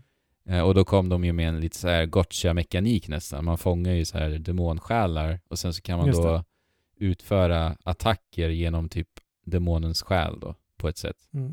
Eh, Som i Castlevania typ. Ja, men precis. Och det här var ju Eller skithäftigt. Bloodstained. Eller Bloodstained. ja. Och de här är- var ju jätteroliga att experimentera med. De funkar otroligt olika allihopa också. Mhm. Eh, och det kunde vara en liten sån här eh, sista utvägen eller panikattacken ibland i många situationer. Eh, och jag tycker den gav ändå en dimension som saknades ändå i, i Neo 1, i retrospekt nu när man liksom tittar tillbaka. Eh, det är svårt. Ja. Jag minns att när jag spelade Neo 2, när vi pratade om det Fabian, att, att jag, jag spelade Neo 1 bara för att så här, jämföra. Och det här var en sån Aha. sak där jag kände direkt, jag saknar verkligen eh, de här demonkrafterna mycket. Men är, är det för att du kan få en, ehm, en liten andningspaus ibland? eh, Ja, Eller är det snarare liksom allting runt omkring att det blir som en eh, någonting som följer med dig, en annan produktion som följer med dig eh, kanske? Ja, Eller ett annat samlande liksom? ja, men det är väl lite en Eller- blandning eh, av det. Eh, och sen att eh, de ger ju dig ganska unika rörelsemönster dessutom. Vis, vissa kan du till och med på ett sätt hoppa med upp i luften och så vidare. Mm. Så att det ger ju en helt annan dimension till attackmönster från både det fiender och eh, vad du kan komma med så att säga. Så att Ja. det öppnar ju upp lite mera i striderna överlag. Så jag tyckte det var ett riktigt bra tillskott faktiskt. Ja, och det, det är liksom lite slängt ovanpå allt Mm, annat exakt. från Neo, Neo 1. Precis. Eh, så att det blir inte allt för komplicerat, utan Nej. det är lite fristående mekanik i sig. Mm. Och som sagt, de är ju så otroligt eh, olika också. Så man kan ju skräddarsy lite till och med. Så Mm. Hur man vill forma sig och så. Ja, nej, 9 och 2. Ja. Gillar du actionspel eh, så är ju det här givet, eh, tycker jag. Eh, Det är ju liksom, om man vi pratade lite Demons, lite, vi pratade Demons Souls förra avsnittet, då pratade vi lite om strider överlag eh, och vad som är de bästa striderna i spel och för mig är verkligen 9 och 2 eh, där uppe alltså. Ja. Bland Alltså många jämför ju Soul-spelen med Neo liksom. Men de är olika alltså. Men de är förstås. väldigt olika Ja, när man skrapar lite på ytan. ja, det är de. De, de det kanske baserar sig på lite på samma liksom, koncept, att det ska vara svårt utmanande. Men, men Neo istället för, där Dark Souls fokuserar på mycket annat runt omkring så har ju eh, Ninja Theory? Yes. Nej, Team Ninja. Team Ninja, Mm. just det. Team Ninja. Um, verkligen, verkligen gått in för att göra det bästa actionspelet de kan. Precis, de, det blir mera action helt enkelt. Det är mer det Mm. de eh, går in för med Nio. Yes. Mm. Yes. Neo 2. eh, jag tänker bara alltid 9-2 varje gång. Ja, jag, jag, gav ju, Ja. jag gav ju det här spelet Det är inte enda. 9,2 av 10 i betyg. Precis. IGN-style-betyg. Ja, vi pratade förut om eh, en remake som var någonting helt nytt och någonting helt annat eh, på många sätt i Final Fantasy 7 Remake. Mhm. Det kan man kanske inte riktigt säga om Tony Hawks Pro Skater 1 plus 2, utan det är ju snarare det här klassiska Exakt. konceptet att eh, man gör en restaurering av någonting så att det känns som man minns att det gjorde. Mm. Eh, Mhm, Just det. Eh, För att det har ju en hel del förändringar och förbättringar. Men de är tillräckligt små och tillräckligt mycket tid har passerat för många av oss eh, sen vi spelade originalspelen. Så att man inte märker det, utan man tänker bara, ja ah, men det känns helt rätt. Det, så här kändes det och de har bara gjort, Mm. eh, gjort eh, en grafisk uppdatering och så. Eh, och och det, på ett sätt är det så, men det kanske inte heller är helt rättvist eftersom att de har moderniserat, moderniserat Tony Hawks Pro Skater eh, mycket i och med att man har fått nya karaktärer. Mycket, vet för att de originalkaraktärerna har ju fått åldras lika mycket som de, det är ju en av mina favoritaspekter med det spelet, att de har fått Ja, åldras. Det- så mycket som de gjort i verkligheten eh, i karaktärsmodeller och i voice. De har spelat in nya voice lines och så. Okej. Eh, och Riley Hawk är ju med liksom, Tony Hawk's son är med och sådär. Så att eh, Mm. det är kul att få se en helt ny generation skatare och eh, då också eh, korvfesten har begränsats lite grann. Det vill säga det har kommit till fler, till fler kvinnliga skatare, vilket Ja. alltid... Letitia. Ja, precis. får Jag spelade med Ah, okej. eh, hela tiden. New York-baserad eh, cooling. Eh, ja, nej men och, och förutom karaktärerna så har de ju eh, fräschat upp mekaniken också. Man har ju lagt in en del nya mekaniker i eh, ettan till exempel som inte fanns i, eh, i originalet. Till exempel manuals och eh, reverts fanns ju inte i originalet. Nähä. Så det, det. det, det går Okej. att, det går att liksom bygga kombos på ett mycket mer flödande och fint sätt än vad man kunde i originalspelet. Mm. Men eh, den, den stora grejen är just att få den här liksom... Jag har fått en skateboard i ansiktet en gång faktiskt. Eh, det var inte alls skönt. Men Nej. man vill ha lite den känslan att så här, man får liksom en käftsmäll av nostalgi. Liksom, att man nästan blir Ja. lite eh, stunned av hur, eh, hur nostalgisk man blev. Och det får man ju direkt. Alltså bara man hör de här hjulen eh, eh, Jo, nö- nöta mot asfalten och sen så hör man de första, den första trumsnären i, eh, i Superman. Eh, Ja, då är man ju Goldfingers där. låt. Ja, man är där direkt. Man transporteras tillbaka på nolltid verkligen. Eh, och det var en otroligt behaglig känsla. Återigen lite som Animal Crossing, att man behövde den typen av eh, lite så här snabbmatsfeeling, comfort food. Eh, Mm. Så. Tröst, tröstäta spel. Eh, så det, det kom in perfekt på det sättet. Och, och då är det just, det är ju lite klyschigt att välja Superman som favoritmusik eftersom att det är liksom Anthem för Tony Hawk 1. Men eh, jag kommer inte ifrån att jag tycker verkligen mycket om den och den ger Nej. den här återigen känslan av vad det är man ska ge sig ut på. Eh, man ska liksom kasta sig ut för ramperna och äga världen och se svincool ut medan man gör det. Och det, Exakt. det gör den här låten verkligen... Eh, Mm. det är ju som sagt en snare som börjar och sen så börjar en, en så här, eh, vad ska man säga, en, en gitarr med så här eh, metallsträngar typ, eh, plocka lite och sen så kommer blåset och, och det är ganska etablerat vid det här laget nu i det här avsnittet om inte annat att jag verkligen älskar blås eh, instrument i, i musik. Eh, och eh, ska, eh, punk är ju liksom en av mina favoritgenrer, eller var i alla fall då, på, på den tiden jag spelade originalet. För att den lyckas kombinera en slags eh, melankoli med väldigt mycket pepp och energi. Eh, det finns Ja. ett, ett djup i punk, eh, men på ytan låter det väldigt glättigt. Det är liksom perfekt eh, Exakt. avvägt. Och det, det, illustrerar, det illustrerar verkligen sådär känslan som jag hade då och som jag har nu när jag spelar Tony Hawks Pro Skater 1 och 2. Och eh, Mm. en annan aspekt av eh, de Ja, här spelen Det är är, helt att rätt. Vad sa du? Ja, det är helt rätt. Tack. Alltså, det här är, nej men, nej men det här är ju nostalgi, så liksom kör. Det är väldigt mycket nostalgi. Jag vet inte hur det här spelet skulle kännas om det här var det första skateboardspelet man spelade liksom. Nej. Eh, Det är väldigt arkadigt. ja, Samtidigt Men, har vi eh, saknat den här typen av spel på många, i många år nu. Ja, exakt.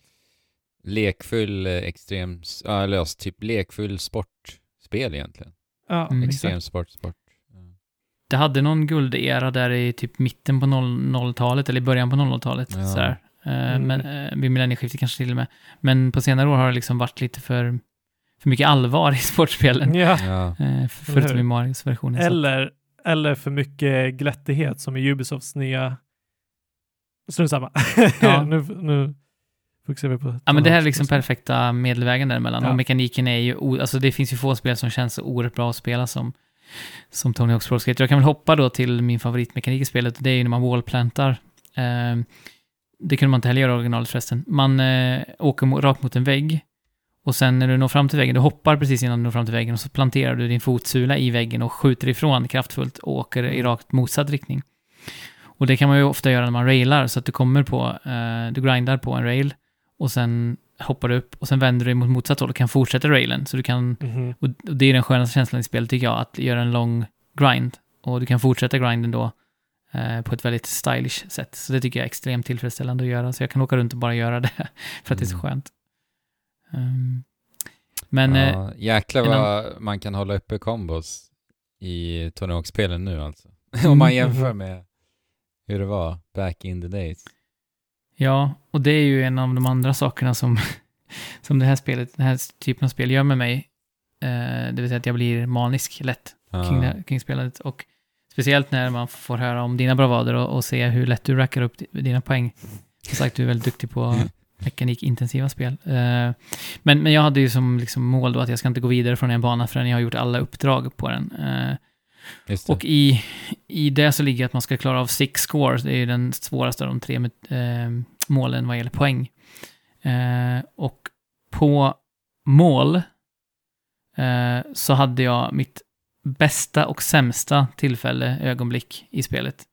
Eh, för att det var den här Mhm. natten som jag berättat om förut i spelet, där Ja, jag inte kunde sluta spela spelet för att jag hade hamnat i en sån här maniloop där jag bara, nej men jag måste klara av det här innan jag går och lägger mig, annars har jag slösat bort all den här tiden jag har lagt ner hittills på det.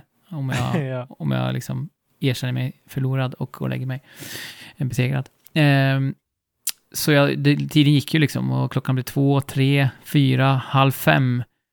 Eh, och då till slut så fick jag ändå ge upp för att mina, mina fingrar hade bokstavligt slutat, bokstavligt talat slutat funka. Alltså kopplingen mellan hjärnan och fingertopparna fanns inte längre, så jag kunde inte ens göra en, en vanlig grab för att jag var så bortkollrad i hjärnan och så stressad och frustrerad. då finns det inte Ehm. mycket att göra. Nej, så jag fick lämna spelet i, i några dagar och sen kom jag tillbaka efter typ någon, eh, någon eller ett par dagar. Och då, banne mig, på mål, så satte jag six score. Eh, och det var ju verkligen så här, eh, ja, det var ju in your face-känsla verkligen till Ja. spelet. Och sen har jag inte spelat det så mycket mer efter det, faktiskt. Nej, sluta på topp. Ja.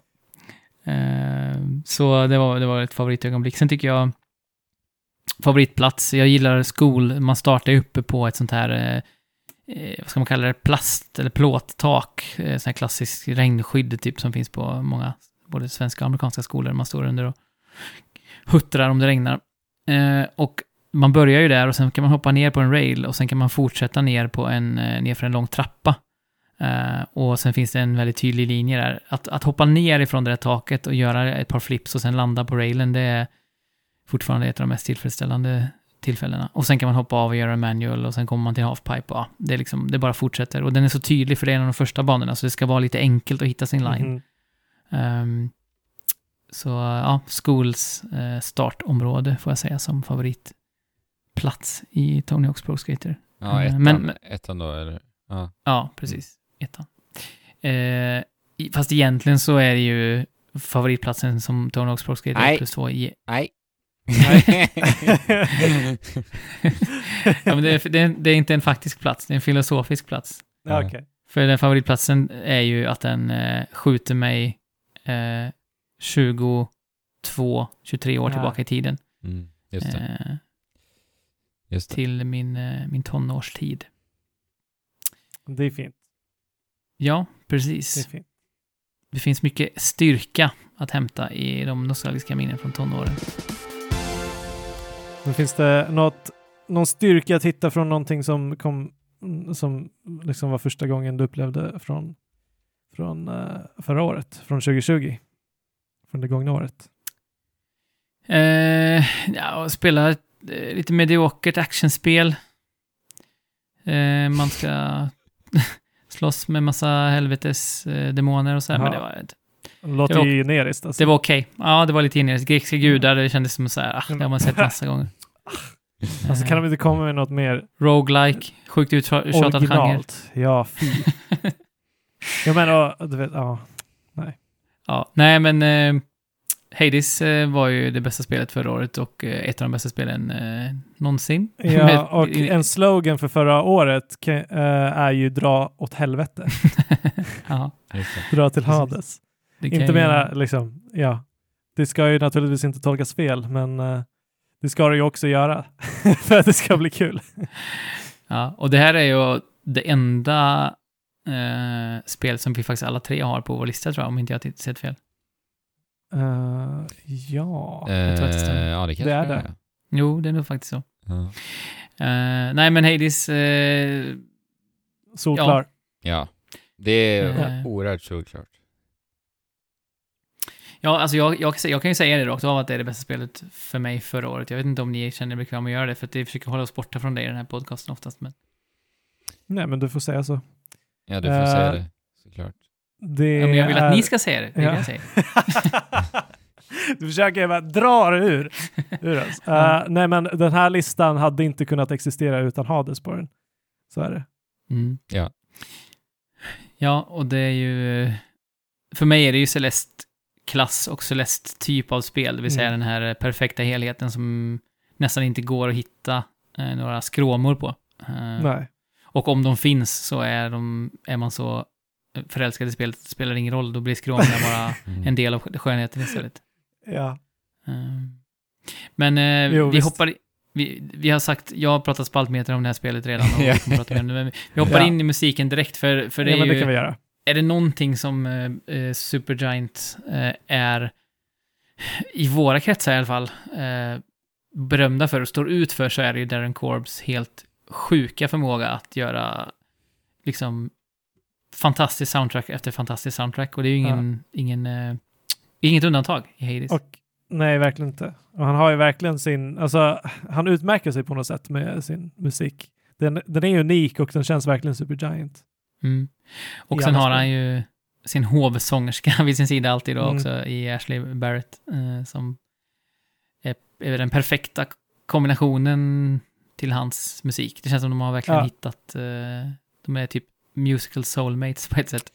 Alltså han, han verkar ha så kul med Mm. sitt Ja, musikskapande. eller hur? Tycker jag. Exakt. Man tittar på den dokumentären är ju fantastisk. Ja. eh, eh, Han, bara skiner när han sitter och Mm. jammar och skapar musik. Ja. Exakt. Ja. Han, Jag sa han dig framstår här innan att han, han är en sån genuin spelsk- eller musikskapare på något sätt. Mm. Mm. Han framstår som en så härlig person också på de här eh, Ja, Ja, och även interaktionen som jag har haft med honom. Han är extremt ödmjuk och trevlig på Twitter till exempel. Jag har pratat med Mm. honom lite så här strögånger där. Han är, ja, riktigt eh, härlig. Härlig kille helt enkelt. Men eh, den här härliga killen har ju producerat som sagt sjukt bra musik, även till Hades. Vilka, vilka musikstycken tycker ni man ska framhålla mest? Eh, Det är mycket bra alltså. ja det är ju det. Eh, Men jag får nog säga The Painful Way heter detta mm. stycke. Mm. Eh, och det är den här låten som innehåller den här väldigt eh, svängiga eh, gitarrslingan som går...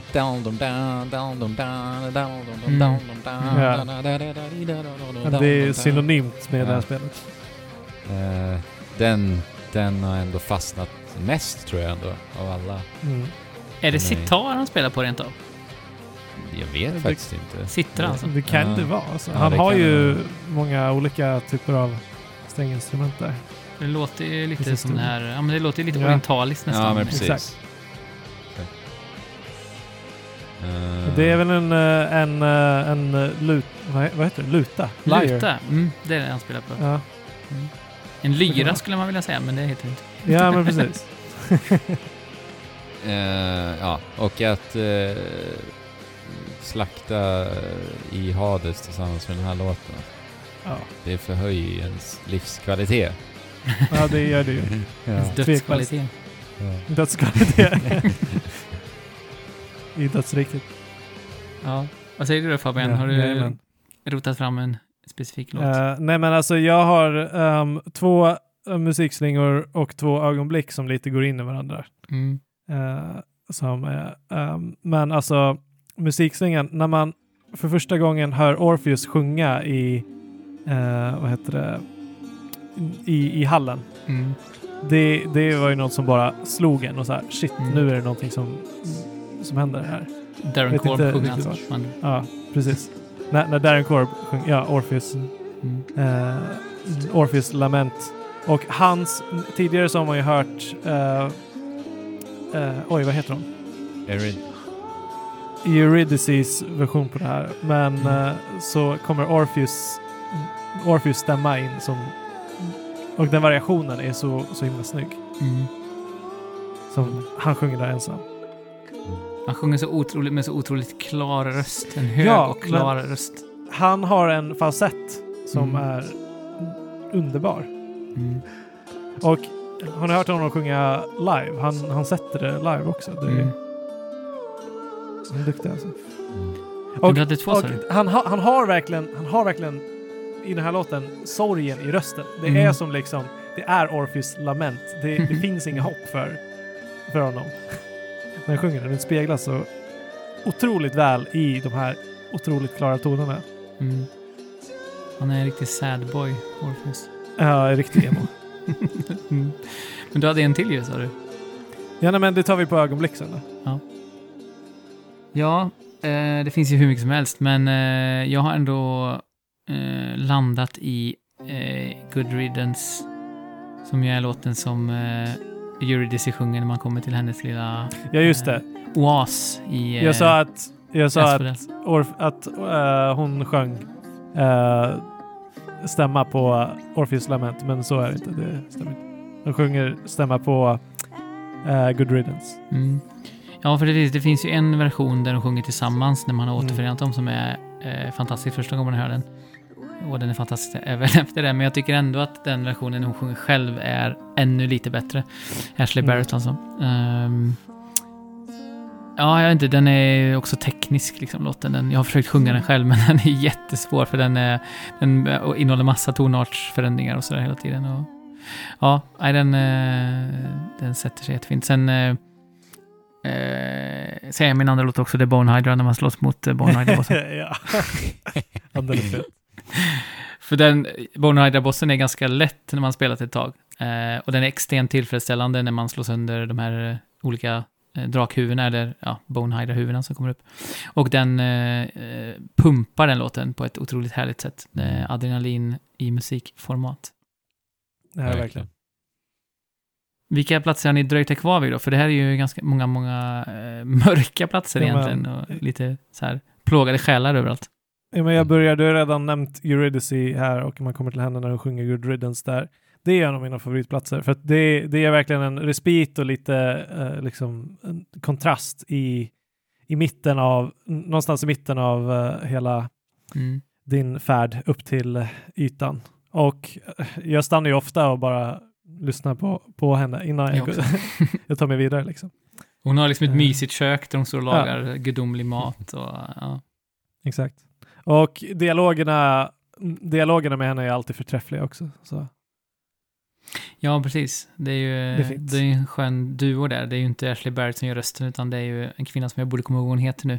Eh, Men det är ju en eh, afroamerikansk kvinna i alla fall, och det hör man ju på rösten. Hon är ju väldigt så här soulig i sitt sätt att prata. Exakt. Hon säger han hela tiden, eller honey. Ja. Ja. Eh, Eh, jag måste nog säga Elysium faktiskt. Eh, för att jag, Mhm. tänk, jag tänker så här på eh, flödet när jag spelar Hades, så var alltid Elysium den platsen. När jag kom dit, då var det så här, okay, I can do this. I am here now. Mm, Okej. Eh, Ja. Och jag minns att jag alltid så här slipade fokuset lite extra varje gång jag kom till, till Elysium. För att det är en ganska ganska brant eh, kurva i svårighetsgraden när man kommer Mm. dit de inledande gångerna också. Men det, Alla fiender har ju armor bland annat som är skitjobbiga att ja, ta exakt. bort. Mm. Men det blev alltid en liten bekräftelse på att man lär sig mer och mer liksom varje gång man kom till Elysium. Så att för mig Verkligen. var alltid att komma dit eh, en riktigt härlig belöning. Liksom. Och, eh, Det är också så att man, en av de två dörrarna eh, i första, första, första mm, skärmen, om man säger så, när man kommer in i Elysium, så finns ju ofta Daedalus-hammaren i en av de Exakt. två. precis, Eh, vilket också Ja. höjer. verkligen. Och det är så fint där också. Eh, Ja, det är fint. Alla Det- färger, otroligt läckert. Väldigt drömskt. Ja. Det, det är fantastiskt hur de har eh, um, hittat färgprofilen, vad heter det? Eh, till Paletten. det här spelet, paletten. Mm. Eh, alltså, de har så kont- kontrasterande, speciellt i Elysium blir det väldigt uppenbart när de har så här bara rosa, jätterosa smudges överallt, men allting Mm. bara går, som kontrasterar egentligen, men också går in väldigt mycket Mm. i Det- hela estetiken. Det, Det, det kan ju, känns ju som att folk, att, att någon har druckit eh, precis lagom rätt mängd vin och går på luddiga mål, ungefär den feelingen. ja, Mm. exakt. Eh, Precis. Dionysos har varit där och bara skvätt lite. Jo, Exakt. Även måttfullhet är hans eh, styrka.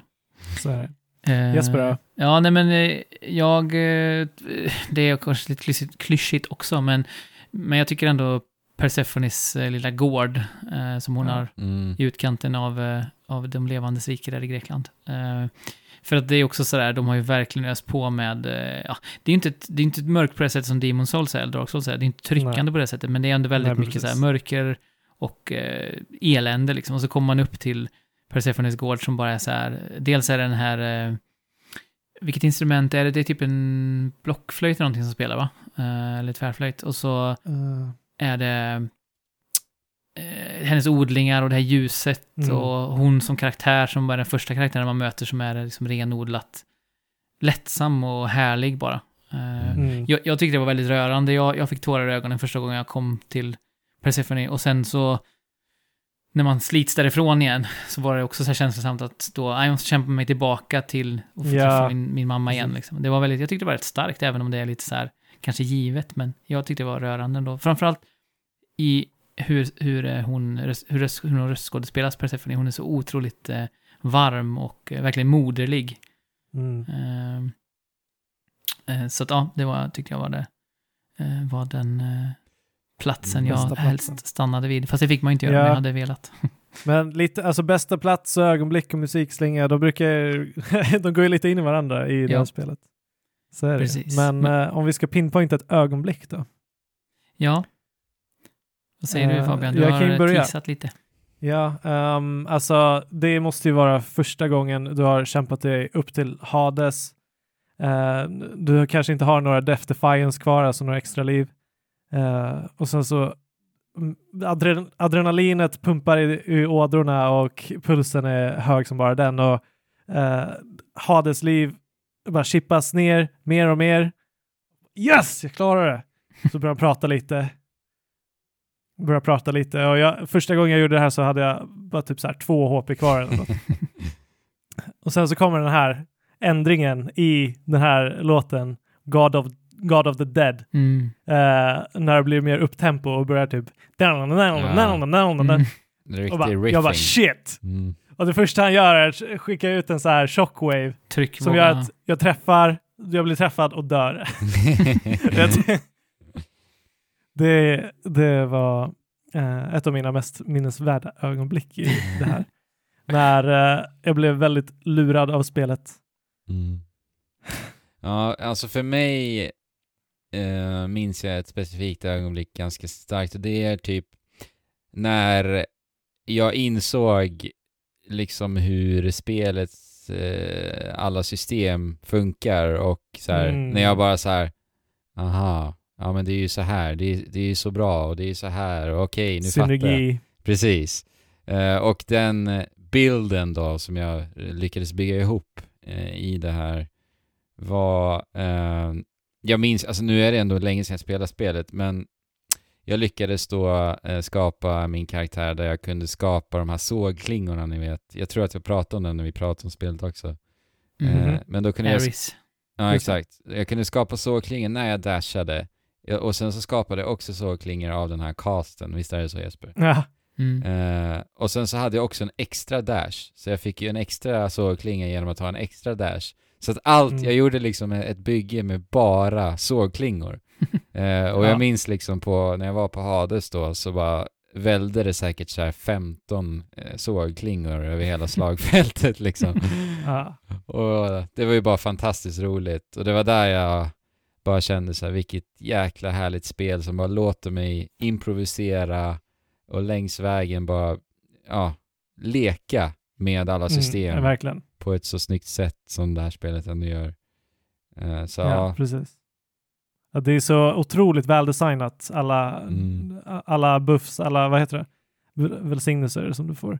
verkligen. eh, och så vidare. Alltså just att ingen synergi är, alltså, eller det är några synergier som inte eh, är riktigt viable, men det är ju sällan som du har en bild som är helt omöjlig. Liksom. Men Mm. sen så blir, sen så när du lyckas, när, när du förstår och har ett mål och Precis. bygga dig till något specifikt, liksom, det, är Ja. då, det är då du börjar förstå spelet och Exakt. kan spela det på riktigt. Ja, Artemis builds med eh, när man krittar eh, och sen ha eh, någon form av attack som är snabb. Ja, precis. Eh, det är otroligt tillfredsställande att bara dinga eh, fiender till Siffrorna. höger och vänster. Mm. precis. Ja. Ja. Det, är ju- det, det är ju eh, samma känsla som i eh, spelet som jag aldrig någonsin kan komma ihåg. Jag fattar inte hur jag kan glömma det hela tiden. 2D, Dead Cells. två Dead Cells ja, Ja. som jag alltid glömmer, jag fattar inte varför. Men eh, det är samma känsla när, man, när det pingar till sådär när man får krits. det. Mm. Ja. Men Mm. ögonblick för Jesper då? Mm. Ja, men det var inte första gången eh, jag bröt mig loss ifrån eh, helvetet och inte, inte ens tionde gången när jag tog mig Nej. upp till ytan. För då man rullar credit som man har klarat spelet inom citationstecken. Utan det var fyrtionde gången jag från, bröt mig loss från min, från min personliga avgrund. Eh, för vi har ju pratat om det förut här, att jag har maniska drag när jag spelar spel ibland. Och eh, det hade jag onekligen när jag spelade Hades. Eh, Mhm. jag, jag hade ju bestämt mig för att, ja, men jag, sa, jag sa ju till det, ja, men jag har gjort det 20 gånger, då kommer jag sluta spela. Och sen bara, nej, det finns en prolog också. Okej, ja men då ska jag spela, spela klart tills jag har spelat klart prologen. Och den innefattar ju att man måste ge ambrosia till många eh, av gudarna. Och jag hade ju Mm. helt och hållet nästan struntat i att ge dem ambrosia, för jag prioriterade de andra karaktärerna i, eh, i den un- undervärlden, alltså de karaktärer som man interagerar med mer egentligen, Mm. och som man kan träffa och prata med. Eh, så det innebar att jag hade en jättelång uppförsbacke med att samla ihop och ge, för att det svåra är att de, upp, de framträder ju inte varje gång heller, de här gudarna, så det är ju lite Mm. random när man kan ge dem. Eh, och därför var det ganska fint då att på min 40 on the run så triggade jag den sista eh, dialogen och kunde ge min sista ambrosia till, eh, till den sista guden. Och, och då kunde jag se eh, det, ehm, pro- prologen vill jag inte säga, vad heter det, epilogen. Mm. Mhm. Eh, och kunde då till slut s- lösgöra mig som sagt ifrån min egen eh, min Ditt egen eget helvete. Ja. Eh, och det var också värt det. Det var en väldigt fin eh, epilog som ligger i linje med eh, den... Det är det som är så intressant med Supergiant Games ändå, att alla deras spel handlar om misär ofta. Och undergång Mm. och apokalyps. Men det finns ändå hela tiden ett genomgående tema av hopp, hoppfullhet. Mm. Och det gick det ju verkligen i linje med utan att säga, säga mer än så med epilogen. Så att eh, 130 timmar blev det hittills. Eh, och eh, jag ser fram emot att Nice. spela många till, men just nu så har jag brutit mig loss och kommit upp i, till ytan. Vågar du hoppas på att de kommer släppa mer material Jesper? Ja, det tror jag. Och Mm. om inte annat så kommer jag få en ny vår och spela cross-save eh, på PC snart eh, Just också. Eh, när, när saker och ting lugnar ner sig lite jobbmässigt och så. Mm. Men jag, jag kan väl avsluta med det också, just i det här fallet att eh, ögonblicket som när jag slet mig loss var skönt, men alla de andra 39 ögonblicken där jag också pekade finger med dubbla, dubbla fingrar åt eh, Hades, för det blev en grej Farsan. nämligen för mig, att jag pekade finger åt Hades varenda gång jag hade besegrat honom. Så ställde jag mig upp, eller, typ, eller lutade mig framåt åtminstone i stolen och gav två stycken feta långfingrar i ansiktet på honom, för att han är så otroligt provocerande karaktär. Mm. Sen blir han ju väldigt mycket bättre och det är en väldigt fin ark så, men jag vet inte, det var något väldigt eh, förlösande varje gång jag fick ner honom. Och det var, i slutet var det inte speciellt svårt, men det var ändå så här, yes, där fick du din, Mm. Mm. Mm, Underjordskonung. precis.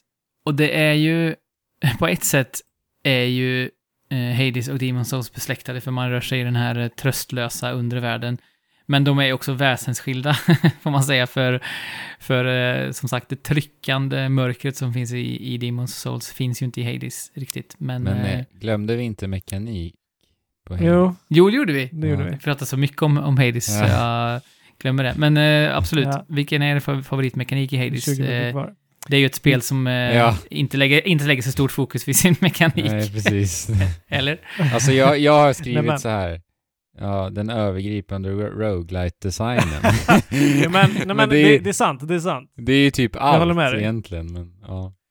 Nej, men alltså de, grejen med det här är att de har gjort ett roguelike där de också har implementerat en story på ett sätt som Ja. ingen vad jag vet har gjort tidigare. Precis. Eh, och liksom karaktärs arcs och karaktärsuppbyggande på, på ett sätt som gör att det här känns som ett fullständigt spel på många sätt som eh, många roguelikes inte gör. Utan Mm.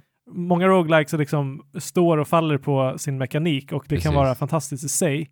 Men här får vi någonting alldeles, eller här får vi någonting extra i och med eh, fantastiskt manus och Mm. fantastiska karaktärer och eh, superbra art som också går in i det. Och, Men det är bara ett smatterband av belöningar när man spelar det ja, Varje runda, Exakt. du får, det ger så mycket. Både story-progression, du progresserar själv i din skicklighet, du får också ja, eh, The Darkness heter de va? Eh, att Ja, progressera din precis. egna karaktär och så vidare. Du ö, låser upp nya Och vapen. väldigt- Alltså det, det var väldigt länge Ja, väldigt, väldigt länge dessutom. introduceras nya saker. Mm. Ja, och som sagt, till slut så känner ju utvecklarna själva att så här, nu har eh, de som spelat så här länge i spelet, nu kan vi faktiskt eh, latcha lite. Mm. och vi Ja. kan döpa om eh, Bonehydra till Learny till Ja, exempel. det är ju Att så så bara, fantastiskt. Nej, jag ska det är bara- så Ja. fantastiskt. jag kommer bara kalla det för Learny från och med nu, och så heter bossen, bossen Learny därifrån. Ja. Och han bara så här är så avslappnad med att han kommer klara av den, så han bara är så här, ja, hur är läget idag då, Learny? Och så bara, Ja. nu kör vi då. ja, men alltså bara det att, att eh, ehm, textraden, hur den presenteras, byts ju. Så det står ju Learny liksom. Precis. Är ju- Ja. Och även då eh, en av bossarna, en av Megs systrar, eh, byter ju också karaktär Mm. lite efter typ eh, ett antal eh, tiotals timmar. Så eh, ja, det, bara hur kul de har haft när man har skapat spelet, det Mm. skiner igenom. Verkligen. Men eh, Fabians mekanik då? Det var ju det jag sa.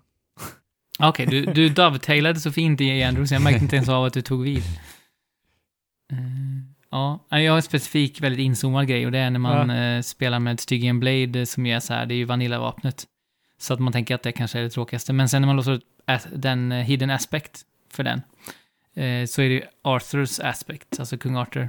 Och då får man Mm. Excalibur helt enkelt. Eh, och den gör en, om man gör sin special, så gör den en stor ring runt en, en som är lite så här Crusader-aktig. Den är, den är ljus och eh, det spelas en sån här ah, slinga då när man gör det. Och, ja, och där i rör sig fienden väldigt långsamt in i den sfären. Okej. Eh, och, och tar extra skada och sådär. Eh, och när du dundrar ner den attacken, så han kör liksom ner svärdet rakt i marken. Bara animationen och känslan i att få dundra ner det där svärdet i marken är Ja, verkligen oerhört till- tillfredsställande. det låter gött. Ja. Och Och sen, sen- det har jag inte testat än. Nej, Nej. Många den är- aspekter som jag inte har testat. Ja, alla hidden aspects är ju superintressanta för att de förändrar ju vapnen Mm. helt och hållet i mekaniken, vilket i Verkligen. sig Ja, är är coolt. otroligt. Ja. När det redan finns sju vapen, så egentligen finns det ju 14 vapen. eh, Ja. Skulle man nästan kunna säga. För vissa av vapnen byts ju till och med ut till någonting annat än det det, Mm. det var från början. Ehm, mm. Nu har vi faktiskt eh, har vi faktiskt uttömt vad vi har att säga om Hades just nu. Precis. Ja, alltså, som sagt, det är också ett spel vi kan fortsätta prata eh, länge om, men ni kan ju återbesöka det avsnittet som vi pratade om Hades. Ja. För att för Eller ring mig bara. Om det. Eller ring Jesper. Så kan ni lägga telefonen på högtalartelefon en stund. Ja. Ja, Tidigare. nej men jag tycker ju verkligen det är skillnaden mellan Demon's Souls och Hades är ju just eh, hoppfullheten. Den, den är ju... De, om det är någonting de gör i Demon's Souls eh, så är det ju, och i, i alla From Software-spel, är ju att försöka krossa ens eh, hoppfullhet och ens eh, Ja. tillförsikt och bara köra ner den i skoskaften. Mm. och jag har ändå valt Demon's Souls som ett av mina fem bästa spel det här året, trots att det fick mig att, ja men i princip, eh, inte bryta ihop kanske så dramatiskt, men åtminstone må så pass dåligt psykiskt att jag faktiskt inte kunde fortsätta det, för det påverkar för mycket Mm. i mitt känsloliv Ja. även utanför spelet. Eh, Jag är förvånad att den dök upp här på din lista. Ja, precis. Lite jag också. Men det beror ju, det beror ju på att eh, kvaliteten skiner igenom så otroligt tydligt. Och jag har ändå spelat Mm. fyra bossar och kommit en bit in i spelet, även om det finns mycket kvar. Så jag har ändå sett mycket av, av liksom vad det har att ge i Mm. kvalitetsväg. Och den är skyhög, alltså det är ju genom kvalitet. Liksom, hela Blue vägen. Point Eh, alltså. Vilket jobb. Ja, det tredje remaken, eller remastern på listan. Ja, just det. Ja, det är lite lustigt. Vi gillar gamla Mm. spel tydligen. Ja, jag har ju en stark nostalgiådra, men jag har ju ingen nostalgi för From Software-spel. Jag har aldrig spelat eh, Nej, ett spel ordentligt sedan tidigare. Eh, det har ju däremot du, Andrew. Du har spelat alla From, From Software-spel. Ja, säga. eller ja, alla, om vi nu ska eller- så här, från uh, Souls, Alla Souls-spel säga. Ja, sen de slog igenom i väst kan man väl säga nästan. ja, men precis. Eh, De har ju släppt det var Armored Core och massa sådana spel, men det är ju Mm. inget som... De har ju typ 10-20 o- olika spel som Precis. ingen hört talas om. Mm. Men det var väl i och med eh, Demon's Souls och kanske framförallt Dark Souls 1 som, eh, som det slog igenom här i Ja, väst. ja. Eh, precis. och, så du har ju mycket mer att jämföra med och både du och jag har ju satt det på vår lista. Du har inte spelat det Fabian, så du kan ju inte riktigt göra det, även om du kanske hade gjort det om du hade spelat spelet. Mm. Kanske. Nej, men det var ju så här, alltså vi pratade ju i över en timme om det här i förra avsnittet, så vi behöver väl inte Mm. hänga kvar jättelänge, men det var ju bara så fantastiskt att få, för mig få spela ett helt nytt From Software-spel egentligen, för jag spelade ju inte originalet heller. Eh, och jag, som jag sa då, jag blev så imponerad över hur, hur pass bra det håller. Trots att det ändå är ifrån, vad är det, 2009 va? Eh, Ja, för strukturen är ju identisk. ja, i stort är ju det. Men jag, jag eh, som sagt, lyckades på de timmar jag spelade ändå uppskatta spelet väldigt mycket. En sak som jag däremot inte plockade ut speciellt tydligt eh, var ju musiken. Eh, jag får tvungen att gå tillbaka nu i efterhand och titta lite vad det fanns för musik. För mycket är ju så här Mm. skräckpiano-feeling på Ja, liksom. men saken är att den mesta av musiken i deras, nu säger jag från Soulsborne- Soulsborne-spelen, sker ju ofta under bossfighter också. Annars är det ju ofta Mm. bara ambiens. Oftast. Mm. Så att man tar väl inte in musiken riktigt på samma sätt som man kanske gör i... Man har annat att fokusera på. Exakt. Eh, Men eh, har du någon då? Ja, alltså jag gick tillbaka och kollade och jag fastnade ändå för Tower Knight för eh, Mm. det är den minst läskiga bossen jag har spelat mot tror jag. Det är Mm. bara en stor riddare som är väldigt maffig men inte speciellt läskig. Så då kunde du Och- fokusera på musik? Ja, Eh, och eh, den, det är väl en boss jag spelade om flest gånger också tror jag faktiskt. Så att jag kanske fick höra den flest gånger. Mm. Ehm, för jag kisade ju, eh, vad heter den, Armored Spider. Just det. Eh, och eh, eh, falangen, eller phalanx, eh, var ju ganska lätt sen jag klarade på första försöket. Och sen, var, vilken var den fjärde bossen jag har klarat? Mm. Jo, eh, dårarnas avbild, eh. Just det. Men, men, eh, ja, lore. nej men så jag tycker Tower Knight-musiken, den är ganska så här härligt pumpande. Mm. Eh, och eh, lag, lagom läskig sekvens. Så att jag, men inte jättestarkt, men jag väljer Tower Knight i alla fall. Mm. Du själv? Mm, Andrew.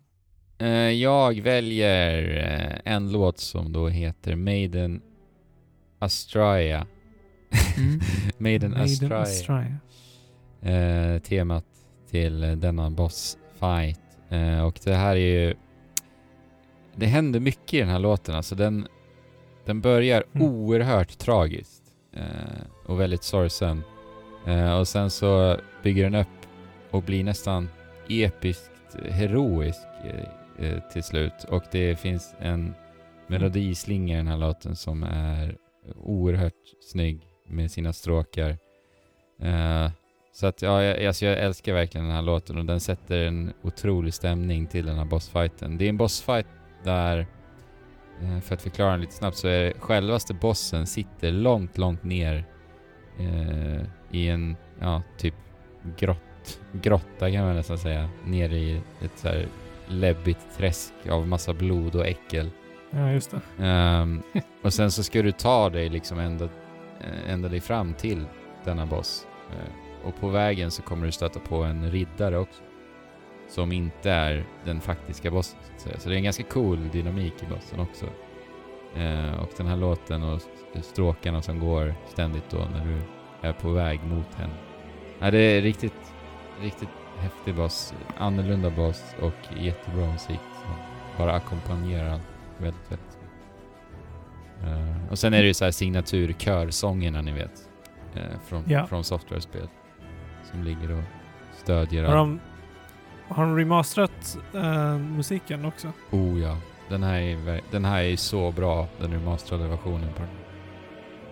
Eh, den jag har lyssnat på originalet i efterhand och den känns mycket mera... Eh, den känns nästan lite så skräckfilmsmusik till och med. Okej. Mm. Eh, får lite så här Lite B. exor- Exorcisten-vibbar nästan. okej. Eh, inte för att jag eh, är någon skräckfantast, men jag har ändå hört... eh, jag vet ju den typen av musik. Mm. Eh, ja, Ja, Ja, nej, men, platser runt omkring i, vad heter det, landet? Aster... Vad heter, vad heter landet? Eh, oj, vad tusan heter det?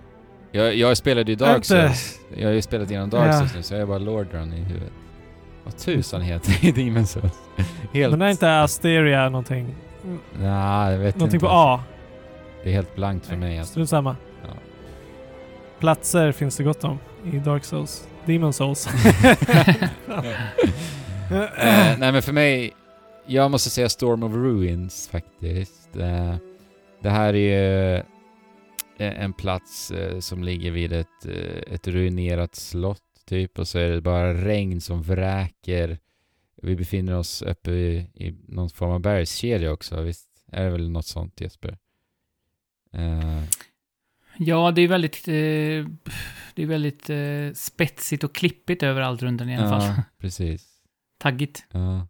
Och sen så, eh, pricken över i här då, är att det är liksom flygande rockor som bara flyger omkring ute, ute i luften och typ skjuter några mystiska märkliga pilar mot den.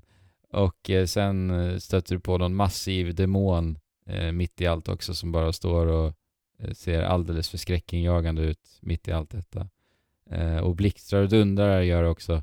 Och jag tycker att den här platsen den är liksom så, så världsfrämmande och bara märklig för att det är samtidigt också familjärt, så här mörk fantasy. Och det sätter lite Mm. fingret på liksom Mm. From Softwares ljuvliga mystik, tycker jag, den här platsen. Mm. Att, att det är familjärt men med en twist. Det är relaterbart Mm. men samtidigt så Precis. vrickat. Och jag tycker det bara förhöjer den här atmosfären så pass mycket verkligen. Mm. Jag har ju valt samma plats. ah, okej. Ja. Eh, fast lite högre upp på, på, på samma plats. Eh, det, det var, jag berättade om det i, i avsnittet vi pratade om Demon's Souls, men eh, vi befann ju oss, jag och min, eh, eh, min superhjälte, min Just det. eh, räddare, Just det. uppe på eh, en avsats som är eh, så pass smal att man måste gå, ni vet så här, sätta, man måste sätta ryggen mot och sen gå med en fot i taget, Mm. typ Mhm. så smal. Och då är man ju högst upp också, eller högt upp åtminstone, eh, nära de här rockerna. Och Mm. dessutom då på, det är nästan som så här, ni vet, som Yoshis bana i eh, Mario Kart 64. Det är som ett rutnät av så här smala avsatser och så kommer en liten bullig ö mitt i alltihop och så blir det en smal avsats till, lite så är det. Mm. Och på de här eh, öarna så står det de här massiva, eh, ja men, eh, riddarna eller i alla fall rustningarna som kommer emot den. Och att nav- navigera mellan de här avsatserna, eh, rockorna och eh, de här rustningarna samtidigt som det bara blixtrar och åskar överallt. Det Ja. var extremt stämningsfullt. Mm. Även om det då leder fram till eh, den, den eh, det mest Tragiska. tragiska Mm. ögonblick jag upplevt i spel under 2020. Ja. Min räddare bara skars ner helt, eh, Ja. helt sonika framför ögonen på mig. är det Fy. kanske ditt bästa ögonblick i det här spelet? Eller mest, mest minnesvärda? Nej, jag skulle säga att det, det faktumet att, att jag kommer ut från en, eh, eller svänger runt ett hörn och ser två fullstora, eh, fantastiskt animerade drakar sitta och Mm. Ja. ryta i sitt, eh, i coolt. sitt näste. Mm. Eh, det var otroligt häftigt. Eh, och sen så just att få det uppmaningen att det finns skatter längre fram om man kollar på de här meddelandet. Och att, att då, jag vet inte vad som flög i mig för att eh, liksom 99 gånger 100, 99 gånger 100 så hade jag verkligen så här shit, oj, jag måste sakta backa härifrån bara. Eh, Ja. men istället så kände jag, nej, jag ska testa spelets gränser här. Kan jag smyga mig förbi, för de sitter ju uppe på en klippavsats, kan jag fly- Ja. smyga nedanför så att de inte ser mig? För det lutar ut lite så här, alltså lite utåt. Så man kan, det blir nästan Mm. lite, ett litet skydd ja, under det där. är lite Lejonkungen-klippan. Ja, exakt, lite så. Och det gick ju, det gick att göra, jag lyckades, jag har berättat om det förut i podden, men eh, jag smög mig fram, snodde skatten och bara läggit tillbaka till, eh, till eh, Svansen Skydd. mellan benen. Ja, det kändes, det kändes, kändes oerhört bra att ha vågat sig fram där och just att få se de här drakarna på nära håll. Det var nästan en naturupplevelse i sig. Ja, Så det var det, det bästa ögonblicket eh, för mig. sweet. Eh, för mig, jag måste säga när eh, jag första gången utforskade Upper Latria. Eh, och Latria är ju eh, det här stora fängelset, fängelseplatsen vi befinner oss Mm. på i, i detta spel. Och innan vi då kommer till Upper Latria så är ju vi, befinner vi oss liksom vid alla fängelseceller. Så det är väldigt så här, trånga utrymmen, typ labyrintaktigt till och med nästan. Klaustrofobi deluxe, alltså Verkligen. hemskt. Mm. Och sen är det ju så mäktigt då för att när vi blir vi blir eh, till, tillfångatagna utav typ så här flygande gargoyler som, Mm. som eh, tar tag i oss och flyger upp med oss till Upper Latria. Och då så öppnar det ju upp sig extremt mycket och då får vi ju se liksom hur det här fängelset faktiskt hänger ihop och hur det ser ut och hur det är designat Mm. helt enkelt. Och då är det ju liksom som stora massiva kedjor som håller uppe och håller samman alla de här byggnaderna i fängelse i det här fängelset. Och det ser bara så mäktigt ut när man får se den här vyn verkligen. Ja. Tyckte så synd om de här eh, slavarna som man var tvungna att dräpa för att eh, komma vidare på den banan. ja. Ja, De som står och håller uppe kedjorna, i kedjorna. princip. Ja. Jo, precis, för det är någon, något stort hjärta som håller på och dunkar i mitten utav en fängelsebyggnad här som vi ska ha ner. Nej, men alltså det här var återigen Mäktigt. att bara få upptäcka deras vrickade, eh, vrickade miljöer alltså. Och det här var verkligen ett sånt ögonblick där jag bara, vad är detta? Eh, Trappan upp där också, det är ju en enorm smal spiraltrappa som man går upp för Mm. där. Den var ju också en av de häftigaste miljöerna i spelet. Verkligen. Och just eh, vyn det ger också, att Mm. kunna blicka ut och se allt. Hur allt är man en sån här läskig... Eh, Cthulhu-äckel. ja, Ja. som står uppe på trappan som jag var tvungen att baita några gånger för att eh, klara av. Jag vågar inte gå i... Ja, de är så stressande för att de har den där gröna äckliga geggan som gör att man blir paralyserad och så är man död typ. Mm. Det bara Precis. springa förbi. Eh, ja. Nej men också hela, när jag utforskade Upper Tower Latria uh, så var det en sån där eh, ögonblick eh, där jag allting bara flöt på, jag klarade mig jättebra men samtidigt har den här riktiga ångesten av att jag vet att när som helst kan allting gå åt pipan. Men så fortsätter man ändå och sen så, ja, fortsätter upptäcka och så vidare. Ja. Nej, det var fantastiskt. Vilken är din favoritmekanik då? För det är också ett mekaniktungt spel det här. Mm. Jag, s- jag vet inte alltså. Jag har eh, tänkt på det här. Jag kommer inte riktigt fram till någonting eh, om jag ska vara helt och hållet ärlig. Eh, för att det är ju liksom, det är ett så familjärt spel i mekanik för mig. För att jag har ju spelat som sagt så mycket av eh, deras spel och det här var ju ändå så här eh, startskottet till vad som har kommit att blivit. Så att i, i mekanik så har det också varit lite att gå tillbaka eh, på vissa sätt ändå. Mm. Så jag har ändå haft lite problem att hitta någonting specifikt faktiskt. Jag tyckte att ehm, sättet som man uppgraderar sin förmåga att bära tyngre vapen var tillfredsställande. Jag kommer inte ihåg vad, den- vad heter den förmågan? Endurance va? Ja, Eller det, alltså jag spelade ju Dark Souls nu senast. ja. Men det, heter, det, det ena heter typ bärförmåga och det andra heter typ... eh, Nej, men på svenska Ja, kan vi inte säga. Ja, nej men det, fin det finns två olika som jag blandar ihop, men den ena är i alla fall eh, hur pass tunga vapen man kan eh, bära samtidigt utan att få något straff för sin eh, rörlighet i sin rull. Mm. Och eh, är man 50, eller 49,9 procent då belastad, då kan man göra liksom en smidig rull. Och Precis. är man över 50 så eh, Mm. blir man den här fat roll, den här tunga, långsamma. Ja. Ehm, och, det, och det var väldigt härligt att eh, gradvis kunna säga, ah, men nu kan jag ha ett tvåhandsvärde i, ett, Ja, i en hand. precis. Nu kan jag ha en Mm. sköld i andra handen samtidigt som jag har det här tvåhandsvärdet i andra handen. Eh, det tyckte jag Mm. var ju väldigt kul och man kände verkligen hur så här, man kom in på samma bana man hade varit på förut och bara okej, kom at mig, men jag har en sköld nu liksom, eller jag har en, ett tvåhandsvärde i Jag har ett tvåhandsvärd i en hand.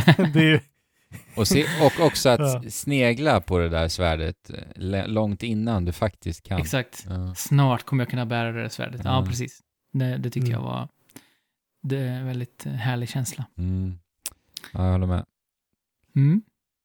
Annars var det inte mycket härliga känslor eh, från, från som satt i mig, förutom att det är ett fantastiskt kvalitetsspel. Och också den första, när man träffar, man går ju i någon slags så här, eh, startområde där man ska träffa den här demonen som man kan besegra, men det är meningen att man ska dö typ. Mm. Bara uppenbarelsen att oj, just det, så här kan karaktärer i spel se ut nu i den här generationen. Det tyckte jag var en väldigt stark Mm. upplevelse, att Mm. wow, eh, det är en helt ny nivå på hur spelgrafik kan se ut. Det, ja, det, verkligen. det träffade en lite. Och nu, nu när du har samlat själar i Demon Souls för att kunna ha ett tvåhandsvärd i en hand eh, så har du också samlat själar på ett helt annat sätt i ett helt annat sammanhang. I ett Precis. helt annat spel. På tal om eh, kontraster vi pratade om förut med pandemi och eh, Animal Crossing så är det väl det här, om Demon's Souls är pandemin så är det definitivt Spiritfarer Animal Crossing. För det är ett Mhm. spel eh, befriat från våld och Helt och hållet. befriat från stress också för den delen. För det finns ingenting som säger till dig vad du ska göra när, utan eh, du kan liksom hela tiden eh, ja, välja och chilla. Och eh, det finns en väldigt chill ton i spelet, även om det handlar om Mm. döden. Du, är, du tar ju faktiskt över efter Caron, som är en av de bättre karaktärerna i Hades, som jag inte nämnde ens förut, men Ja, du tar ju över efter, efter Caron. Ehm, och han eh, är ju i grekiska mytologin eh, eh, den, eh, den entiteten som för över, för över själar från det levandes realm till, till det död, dödsriket. Ja, Det precis. Han är ju fär, färgkaren helt enkelt. mm. eh, med sin stör och sin prom.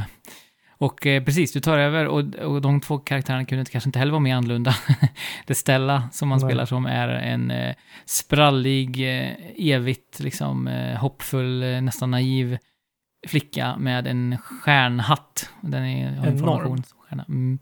Och hon har sin katt. Det passar väldigt bra att den ändå sitter med, eh, med eh, vad heter, vad heter kissen? Ponyo. Ponyo. Ponyo, precis. Eh, och eh, Daffodil heter ju, heter ju katten i Spiritfarer. Ja. eh, man kan ju spela co-op. Vad sa du? Väldigt charmig. Ja, man kan ju spela co-op faktiskt, där den ena är katten och den andra är eh, Stella. Och det utnyttjade jag och Nils första gången jag startade spelet. Ja, såklart. Eh, och då hoppade vi mest bara runt och badade och dök i vattnet. Man kan ju dyka. Mhm. Ehm, men som sagt, Spiritfarer överlag handlar ju om att eh, man träffar personer som man kände, känner, kände i sitt tidigare liv. Alltså släktingar, vänner, andra som man på olika sätt har koppling till.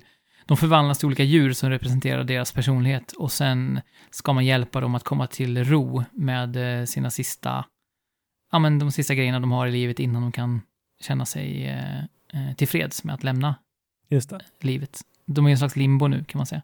Ja.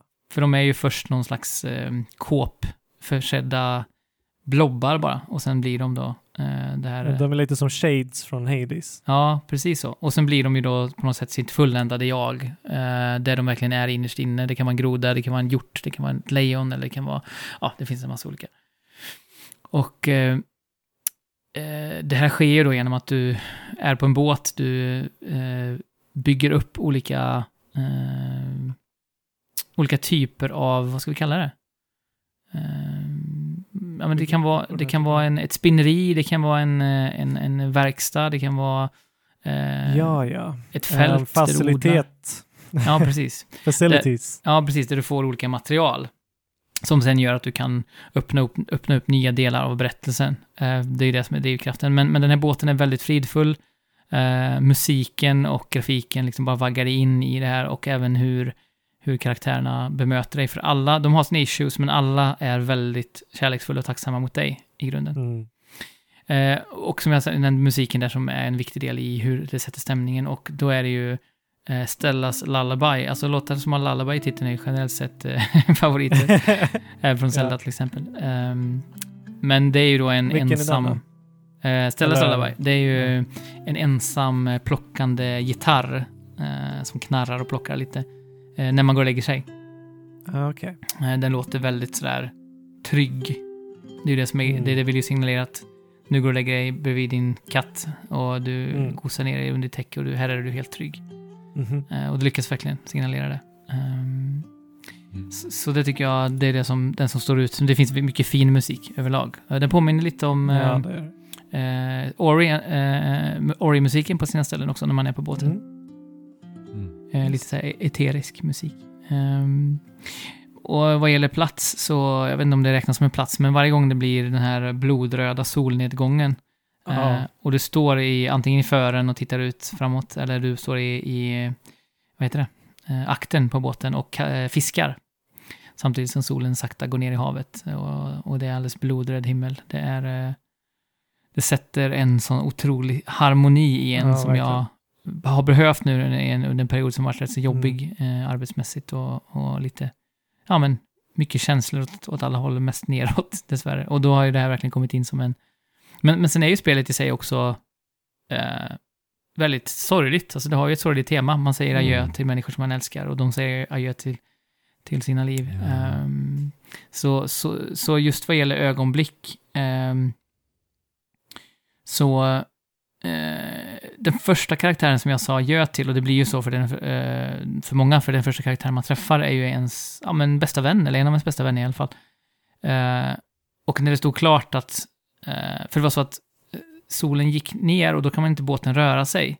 Så för mig blev Mm. det så, det slumpade sig så, jag tror att det var en slump i alla fall, att det var i samma ögonblick som Ola hade sagt att okej, jag är redo nu, liksom. ta mig till, till Ever, eh, Mm. Evergate, eller vad den heter Mm.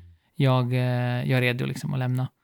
Då eh, var det natt där det regnade och hon hatar regn. Så hon var inne i sitt rum som jag hade byggt åt henne och jag hade gjort det jättemysigt. Och bland annat hade jag satt in en fåtölj med böcker eh, och en läslampa. Eh, och hon stod då upp och hon står och röker så här, ehm, typ cigariller eller någonting, för hon är så här överklassbakgrund. Eh, och så var jag bara så nej, jag, jag ska vara med dig nu den här kvällen. Jag ska bara liksom vara här med dig. Så jag satte mig i hennes Mm. fåtölj medan hon stod där eh, lite smått oroligt och rökte och katt, Daffodil, katten hoppade upp i mitt knä. Och jag bara så här, ja, det regnade utanför och spenderade liksom de sista timmarna i tysthet bara i varandras sällskap. Det var liksom, ja, Mm. det var väldigt rörande och det var nära till tårar. Eh, Det borde ha varit tårar, men eh, jag vet inte, jag har fått svårt den senaste tiden på att gråta. Jag be- jag behöver, jag behöver få dammluckorna att brista och jag tror att, jag har inte Mm. spelat klart det här spelet, jag tror att det kanske, det kanske är det här som kommer bli nyckeln till får att göra det, för att det var så starkt att känna att Mm. man satt bredvid liksom en döende väns säng i princip, var känslan. Ja, Fast utan att det var rätt igenom sorgligt, utan det var också väldigt så här fint ja. eh, att få dela det. Jag har ju Mm. sett mycket av de ja här låter ju... kramanimationerna. Eh, Ja, Ja. fantastiska animationer Ja. Kramas det inte lite för lite i spel alltså? jo, Jo, men det gör det. Det roliga är att jag har ju en, jag har ju pitch, eller jag har ju sk- skissat lite på en spelidé som jag har haft där Uh. en av huvud eh, eh, twistarna i spelet är just en kramknapp. Eh, men här, här är ju, och det är ju, det är ju såklart min favoritmekanik. Mm. Är det ett spel som har en kramknapp så måste, jag ju, måste jag ju välja det. Och det är ju, som vi sa, de fantastiska animationerna när man gosar in sig i, många av djuren Ja. har ju päls också. Mm. Så att, att bara få gosa in sig, som Gwen till exempel då, den här vännen jag berättade om, hon är ju en hjort. Eh, och att gosa in sig i henne, och hon blir också så här, hon är lite stel, så hon blir så här lite ställd Ja. när man kramar henne. Och sen så bara mm, ger hon upp och bara så här Mm. omfamnar en. Det är ju liksom eh, Mm. Få animationer jag har sett alltså. som är så vackra och Mm. det känns som att man vill ju bara hoppa in och vara med där. Liksom. Ja, vill bara, exakt. Det ser så mysigt ut. ja, och samma sak när man kramar lejonet, är också så här. eh, ja, man bara försvinner in i den där Mm. pälsen. Så ja, definitivt Nej. favoritmekanik. Verkligen. Och Mm. Det här spelet är väldigt estetiskt. På Ja. Mm. alla sätt och vis. Verkligen. Det är eh, ett av de, liksom genom, om man tittar på helheten, ett av de vackraste spelen jag, jag tror jag har sett eh, någon gång. Jag tror att du kan I säga det om det sista också. Ja, absolut. Det har ju lite samma Mm. ton på många sätt. Eh, den här, det här ljuset och hoppfullheten Ja. i grunden. Mm. Eh, men också lite så här, det finns ju ett, eh, i, i Tetris Effect Connected så finns det ju ett eh, tema som handlar lite om, vad säger man? Eh, en, en, environmentalism, vad heter vad säger man? Environ, environmentalism, eller vad heter det? Alltså hur naturen, hur vi behandlar naturen och Ja, hur, vi, hur vi borde behandla varandra och naturen. Så det finns ett allvar där bakom också. Men eh, Tetris Mhm. Effect Connected har jag faktiskt inte valt som ett av mina årets bästa spel, men det beror bara på att jag gjorde det det året när det kom ut och jag spelade det i VR. Eh, Ja, ja. Men, ni, men ni två har gjort det och jag, jag skriver under på det egentligen förstås. Ja. ja, alltså vi har inte kört i VR, men alltså bara tanken att spela det här spelet i VR. ja. Mm, Alltså det. Ja. Nej, det måste vara någonting likt inget annat. En religiös, semi-religiös Ja, upplevelse. då blir, då blir du en ny människa, troligen. Ja. För att, så, att spela det här inte VR var snudd på religiöst. Ja. Mm. För ni har båda spelat igenom kampanjen eh, Ja. i det här spelet. Det har vi. Och, Eh, och jag ska det, säga alltså att Tetris är ett av mina favoritspel genom tiderna. Eh, Samma här alltså. Och här så lyckas de, alltså här gör de någonting helt annorlunda med konceptet, även fast spelet i sig är ju detsamma, men, men de bara går helt in för att göra, som, som, som namnet antyder, Tetris-effekt. Massa coola effekter samtidigt som du spelar Tetris. Ja, Och även eh, då ackompanjerar de här effekterna med eh, musik. Och i och med det så för varje input du gör så kommer en, ett ljud som på något sätt alltid hänger ihop med musiken som spelas. mm, du skapar ju musik själv genom Ja, att exakt. flytta dina tetrominos. Och att ge- genom att få en rytm i spelandet så känns det som att du nästan ackompanjerar musiken Mm. du också. Ja, och Så- indirekt också effekterna. För att de reagerar ju på dina Exakt. inputs. Och varje bana har ju också ett helt eget tema som Mm. är eh, ja, men vitt skilt från de flesta andra temana, Mm. både musikaliskt och eh, visuellt. Precis. Precis. Så, äh, så att en musikslinga, vad, vilken musikslinga är din? Alltså det, det går ju Favorit. inte att välja typ heller. Alltså. Nej, det gör inte det. Eh, men jag måste ju ändå säga, alltså jag är typ, nu är jag, jag vet inte om den har ett specifikt namn, men jag har ju valt banan den här musiken Mm. finns på. Och det är ju den andra banan som heter Jellyfish Chorus. Ja, men nej, jag har den också. Ja. det var ju bara eh, ren eh, magi alltså. Och det var väl egentligen så när jag spelade den som var min absolut bästa upplevelse med Tetris Effect. Eh, där allting, det var beskrivet nu, eh, bara liksom kulminera i att spelet tog mig till en annan plats. Exakt. Alltså, övervä- alltså känslorna som jag Ja. blev överväldigad med här, det, eh, det har jag kanske inte blivit på samma sätt under hela förra året. Nej. Eh, jo, det har jag. Uh, visst det, men inte i ett spel. Nej. Men det är ju sensorisk overload. Man blir ju Ja, det är ju verkligen, verkligen. eh, drabbad av, Ja, av det. eller hur? Men, nej, men det här är ett spelet som, det är ett spel som du, ja, du drabbas av, men du upplever det ju mer än något annat. Mm. Det är en upplevelse, det är, det är en resa, det är en trip. Ja, det är Det heter ju verkligen... till, ja, en trip, men också en journey, för spelet heter Ja. ju till och med en journey och det Mm. känns som att man tas med på en resa. Och en, som sagt, trippad tripp också. Mm. verkligen. Så att alltså, varje, alltså musikslinga är ju en bana. Det var ju där med Jellyfish Chorus som jag grät första. Alltså, det, det, jag vet inte om... Jag grät ju för att det blev för mycket Mm. att ta in samtidigt. Eh, och det var så vackert och fint. Ja. Att gråta och TT-spel är ju ganska. Ja. Ja, men exakt. ja. Jag förstår verkligen varför. Men det är ju väldigt mycket musiken och eh, allting så. Men bästa platsen, för att eh, varje bana är ju också distinkt i liksom hur det ser ut. Så att här kan vi Mm. fokusera lite mer på eh, liksom det Visuella.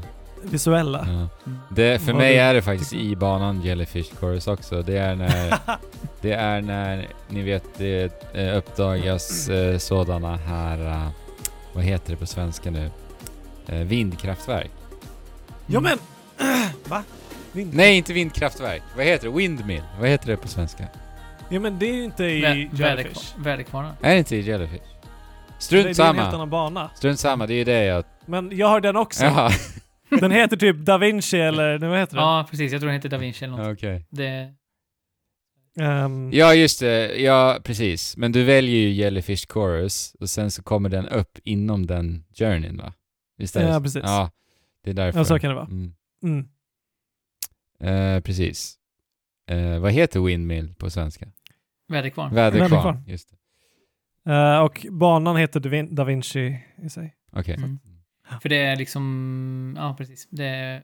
Är det kugghjul? Ja, det är kugghjul som alla Mm. Tetrominus består av. Precis. Eh, Och det är, och det är väldigt eh, ambient när du kommer hit första gången i ljudbilden. Mm. Och det är typ i stort sett tyst. Och det enda, enda du får eh, en respons av i form av ljud och musik är dina tetrominos. Klickandet. Ja, precis. och när du skiftar dina tetrominos. Och sen så är det så sjukt snyggt då hur, hur det visuella i bakgrunden just med de här väderkvarnarna, Mm. hur de rör sig Ja. i takt till när du Ah. trycker för Alltså att... det är så ja. snyggt! Ja, det är... Alltså jag älskar det! Ja. Och, och det, känns, det, det känns lite så här. Eh, alltså det, det är väldigt, väldigt mekaniskt. Mm. Men det känns lika tillfredsställande som att liksom se eh, någon typ av klockverk Mm. Arbeta Ja. på något sätt. Men Och allting, ja det går ju in i hela, eh, ja. Man flippar ju på Tetraminos lite extra i Tetris-effekt alltså. Ja, bara för Man att få höra det. ljudet Ja. ja. Och se vad som händer. Ja. Ja, men det, man kan verkligen spela... Alltså jag, jag har spelat igenom det här två gånger tror jag, den här kampanjen. Och jag är sugen på att göra det nu igen. Alltså för att, som sagt, de här Jag har inte spelat är klart. så distinkta. Mm. Nej, jag har inte spelat klart det här spelet. Nej, Mm. Nej, nej. nej. Men du, du har spelat igenom det, men inte klart. Jag har klart ute. Ja, Nej. ja precis. Jag menar, men jag menar jag ska spela, fortsätta spela det. ja, precis, jag menar alltså, du, har du har spelat det. igenom det, men du har inte spelat klart det. Ja men exakt. Mm. Exakt. Eh, hade du samma plats. Fabian? Ja men det var samma Da Vinci. Ni så synkade. Jag tycker också den här banan där det är någon slags naturfolk som tillber en- någon slags eldgud. Ja. Ja just Det- det. Jo men det, det, den var också på min uh, övervägde. Sen så gillar jag alltså, jag gillar alla banor Ja. mer eller mindre. Eh, alltså Aurora Peaks är ju en favorit. Mm. Eh, också som där, där det visuella och eh, musiken och allting bara klickar extra mycket för mig. Mm. Eh, och, ja men det är alla, alla låtar. Alla de här sakerna går ju verkligen in i varandra så, eh, på ett sätt som de inte gör i de andra Ja. spelen på samma Alltså Mm. det är lustigt att du säger det Jesper. För att jag har ju skrivit, jag har ju skrivit Jellyfish Chorus på alla. ja. Så att, För det är ögonblick och mekanik eh, kvar. Och jag vet inte om man, vä- om man väver ihop dem. ja det är egentligen, ja. ja, eller ja. ja. Nej men det är ju när man, eh, när... eh, Med jag vet inte vad väderkvarnen vi ska- alltså. För mig, med mekanik där.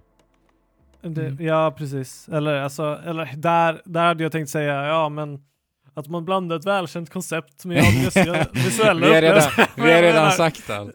ja, men, men eh, alltså, ja.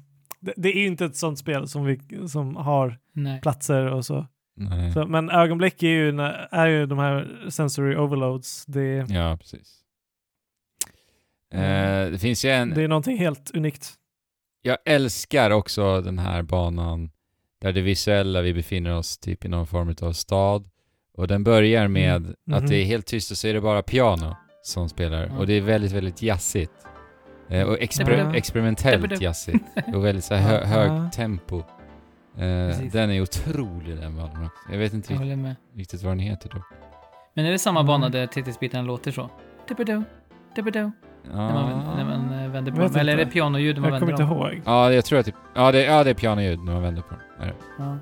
För det finns en annan bana där som sagt, där de, det där eh, vad heter det, ljud, eh, röstsamplingar när man vänder på sina. Mm. Ja, men det är så Ja, coolt det. för att Ja, det pianot som skapas, det, det låter som att det är en pianist som bara går loss och bara improviserar. Ja, exakt. mm. Det är så Ja, jäkla exakt. coolt. ja, det är riktigt coolt. Och hur den, den Äh. låten utvecklar sig också. Den blir ju typ nästan lite så här jazzrockig till och med i Mm. slutändan. Ja, den är helt otrolig. Väldigt progressiv. Ja, alltså, nu när vi bara namedroppar lite så här för att knyta ihop säcken så tycker jag ballongerna är väldigt mysig. Mm. Alltså Mm. det, den är inget speciellt eh, så här, men det är bara mysigt att glida upp i, i himlen och sen så kommer man bara högre och högre upp tills man kommer till eh, en annan bana där du är där du då är vi eh, ISS, alltså internationella eh, rymdstationen, eh, åker runt. Det är nice. What a game ändå. What a game! Ja, vem, vem får den här idén att så här, nej men vi tar Tetris och sen så gör vi det helt urflippat. ja, det är ju Tetsuya Mitsuguchi som får den idén. Ja, Helt enkelt. eh, geni. Ja, verkligen. Eh, ett Nu- av spel, en av spelvärldens absoluta, eller definitiva genier. Men vad har han gjort mer då? Eller det här är enda? Res. Jaha, Eh, okej. Every Extended Extra också eller? Eh, nej, jag tror faktiskt inte det är han. Jag, nej, jag tror inte det. Men det är Eh, men däremot, eh. Lumines, precis. Och eh, vad Ja. heter det spelet då? Meteos också, va? Eller inte han kanske? Mm, Jag kanske behöver inte. spela mer spel från den härn. Ja, Ja, Alltså, Res. Res, eh, jag måste Ja, spela Res Res. måste ju spela också. I VR. I VR, ja. Ja. Och Mm. fy. Ja, det var en... Eh, eh, det var en matig eh, genomgång av eh, 2020s bästa Ja, det var upplevelse och spel. Ja, herregud. Eh, från vår sida. Men vi har ju, vi är inte riktigt klara än, även vi, vi behöver bli klara. Men eh, vi har ju våra eh, kompanjoner och vänner och följeslagare på Trekraften Podcast också. Som, eller podcast. Nu märks att jag är trött. Trekraften Discord skulle jag säga. Jajamän. Eh, som också fått rösta fram sina bästa spel, som vi gjorde förra året också. Mm. Vi har gjort Och kanske det. förrförra också. Ja, vi har nog gjort det alla år tror jag. Så länge vi har haft Mm, Discord tror jag. i alla fall. Mm. Ja. Och Andrew har faktiskt eh, varit flitig och sammanställt detta. Ja, vi kör en topp fem-lista helt enkelt. Tänker Mhm. Ja. jag mig. Eh, Och det spelet då som hamnar på femte plats enligt våra Discord-användare är Ghost of Tsushima. Mhm. Ja. Eh, trevligt open world-spel, får vi väl säga va?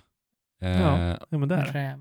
Och sen på fjärde plats, The Last of Us Part 2. Mhm. Intressant att två spel hittills eh, som inte har varit med på vår lista Ja. överhuvudtaget. Det ändras nu, Jesper, för att på tredje plats, Animal Crossing New Horizons. Ja. Och nu är det ju spännande, eller hur? På Mm. andra plats. Är det Jespers... Jespers drog? Final Fantasy 7 ah! Remake. Mm. Den lätta drogen. Och på första plats, jag tror att vi alla vet svaret, det är ju Hades. Jajamän. Ja, bra smak våra lyssnare har alltså, måste man säga. Ja, Verkligen.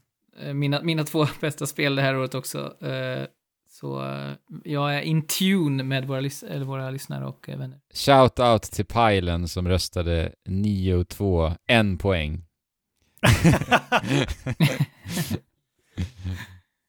Vill jag bara säga. Ja. Mm. Nej, Jag tycker, ja. Ja. Men nu tar vi... Vad sa du, Fabian? Ingenting.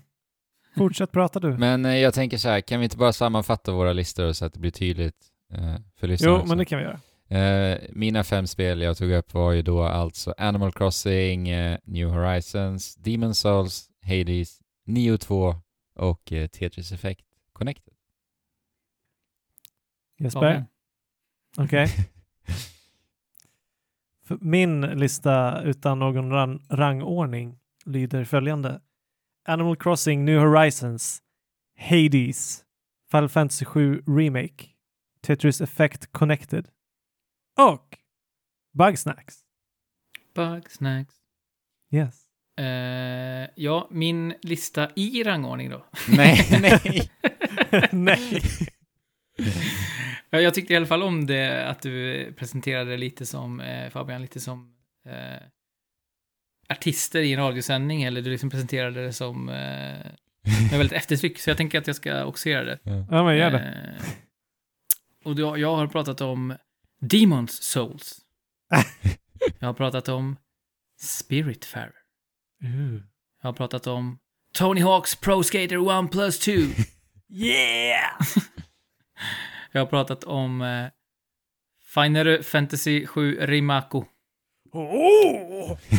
Fick jag chansen att säga Rimako en, en gång till, en kanske sista gång. Remark. Eh, och jag har pratat om Hades! Yeah!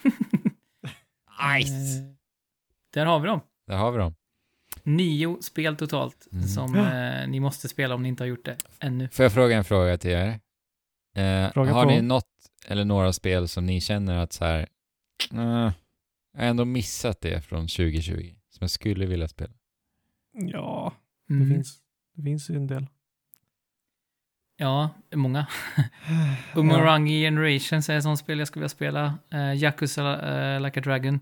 Jag har faktiskt spelat tre timmar i Yakuza Like a Dragon. Eh, Mm. Nice. Och eh, hämtat eh, en sån här uh, toa, ni vet man gör rengör toaletter med, en sån. Mm. Toaborste. Eh, för det skulle till strippklubben så jag var tvungen att hämta den hos eh, Just det. cigarettanten.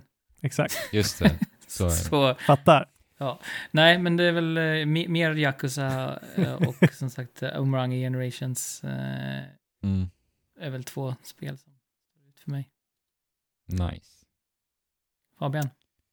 Eh, ja, alltså jag hade ju jättegärna velat testa Half-Life Alyx i VR och Mm. även gräva mig ner i djupet i Spelunky 2. Det är Mm, ett givet sant. spel som kommer spelas när det väl kommer till Switch Ja. för mig. Det är de två för mig också faktiskt. Half-Life Alyx och Spelunky 2 som verkligen sticker ut, som jag tror skulle kunna ändå eh, leta sig in på en plats hos mig. Exakt. Ja, det är en stress alltid det där. Ja. Eh, att eh, man vill spela många fler spel ifall man har missat någon pärla. Eh, och framförallt bland kanske lite indie, typ AAA indie-spel som jag verkligen tycker om Mm. att spela. Mm. Finns det säkert en hel del spel som man hade fallit pladask för om man hade Ja. bara hade fått uppleva dem. Jo men alltså det går ju, det är ju omöjligt att spela alla spel. Det finns ju naturligtvis Nej. mycket. Men Cyberpunk nej. 2077 då? Mm. Det blir eh, jul, julprojektet nästa jul, tror jag. Ja men exakt. Alltså, Alltså, det, Det får ju bli... måste vi ju kunna. Ja, det får ju bli exakt, nästa det måste års. bli nästa år. Ja, Det här året. ja. Vi kan inte... 2021 får det bli. Ja. Ja, vi för får räkna till det. det kommer ju vara komplett eh, typ i höst. Eh, Ja. Troligen, med ja. DLCs Mm. och patchar och nya versioner. Precis. Så att alltså nu säger vi att vi, vi ger oss själva tillåtelse att inkludera det, inte i 2020s lista utan eventuellt i 2021s lista. Precis. Men eh, vi tar den här säcken nu eh, Ja. och kastar över axeln och bär ut den till, eh, till en gård på landet. Där den får En bo, kort på landet. eh, alla de här spelen. Eh, och eh, kastar oss huvudstupa in i 2021 istället. Och det kommer, som det ser ut nu, vi får väl se, det kanske kommer bli en, det är väl högst troligt att det kommer bli en himla massa förseningar. Ja. Men Ja. som det ser ut just nu så finns det ju otroligt många titlar att se fram emot 2021.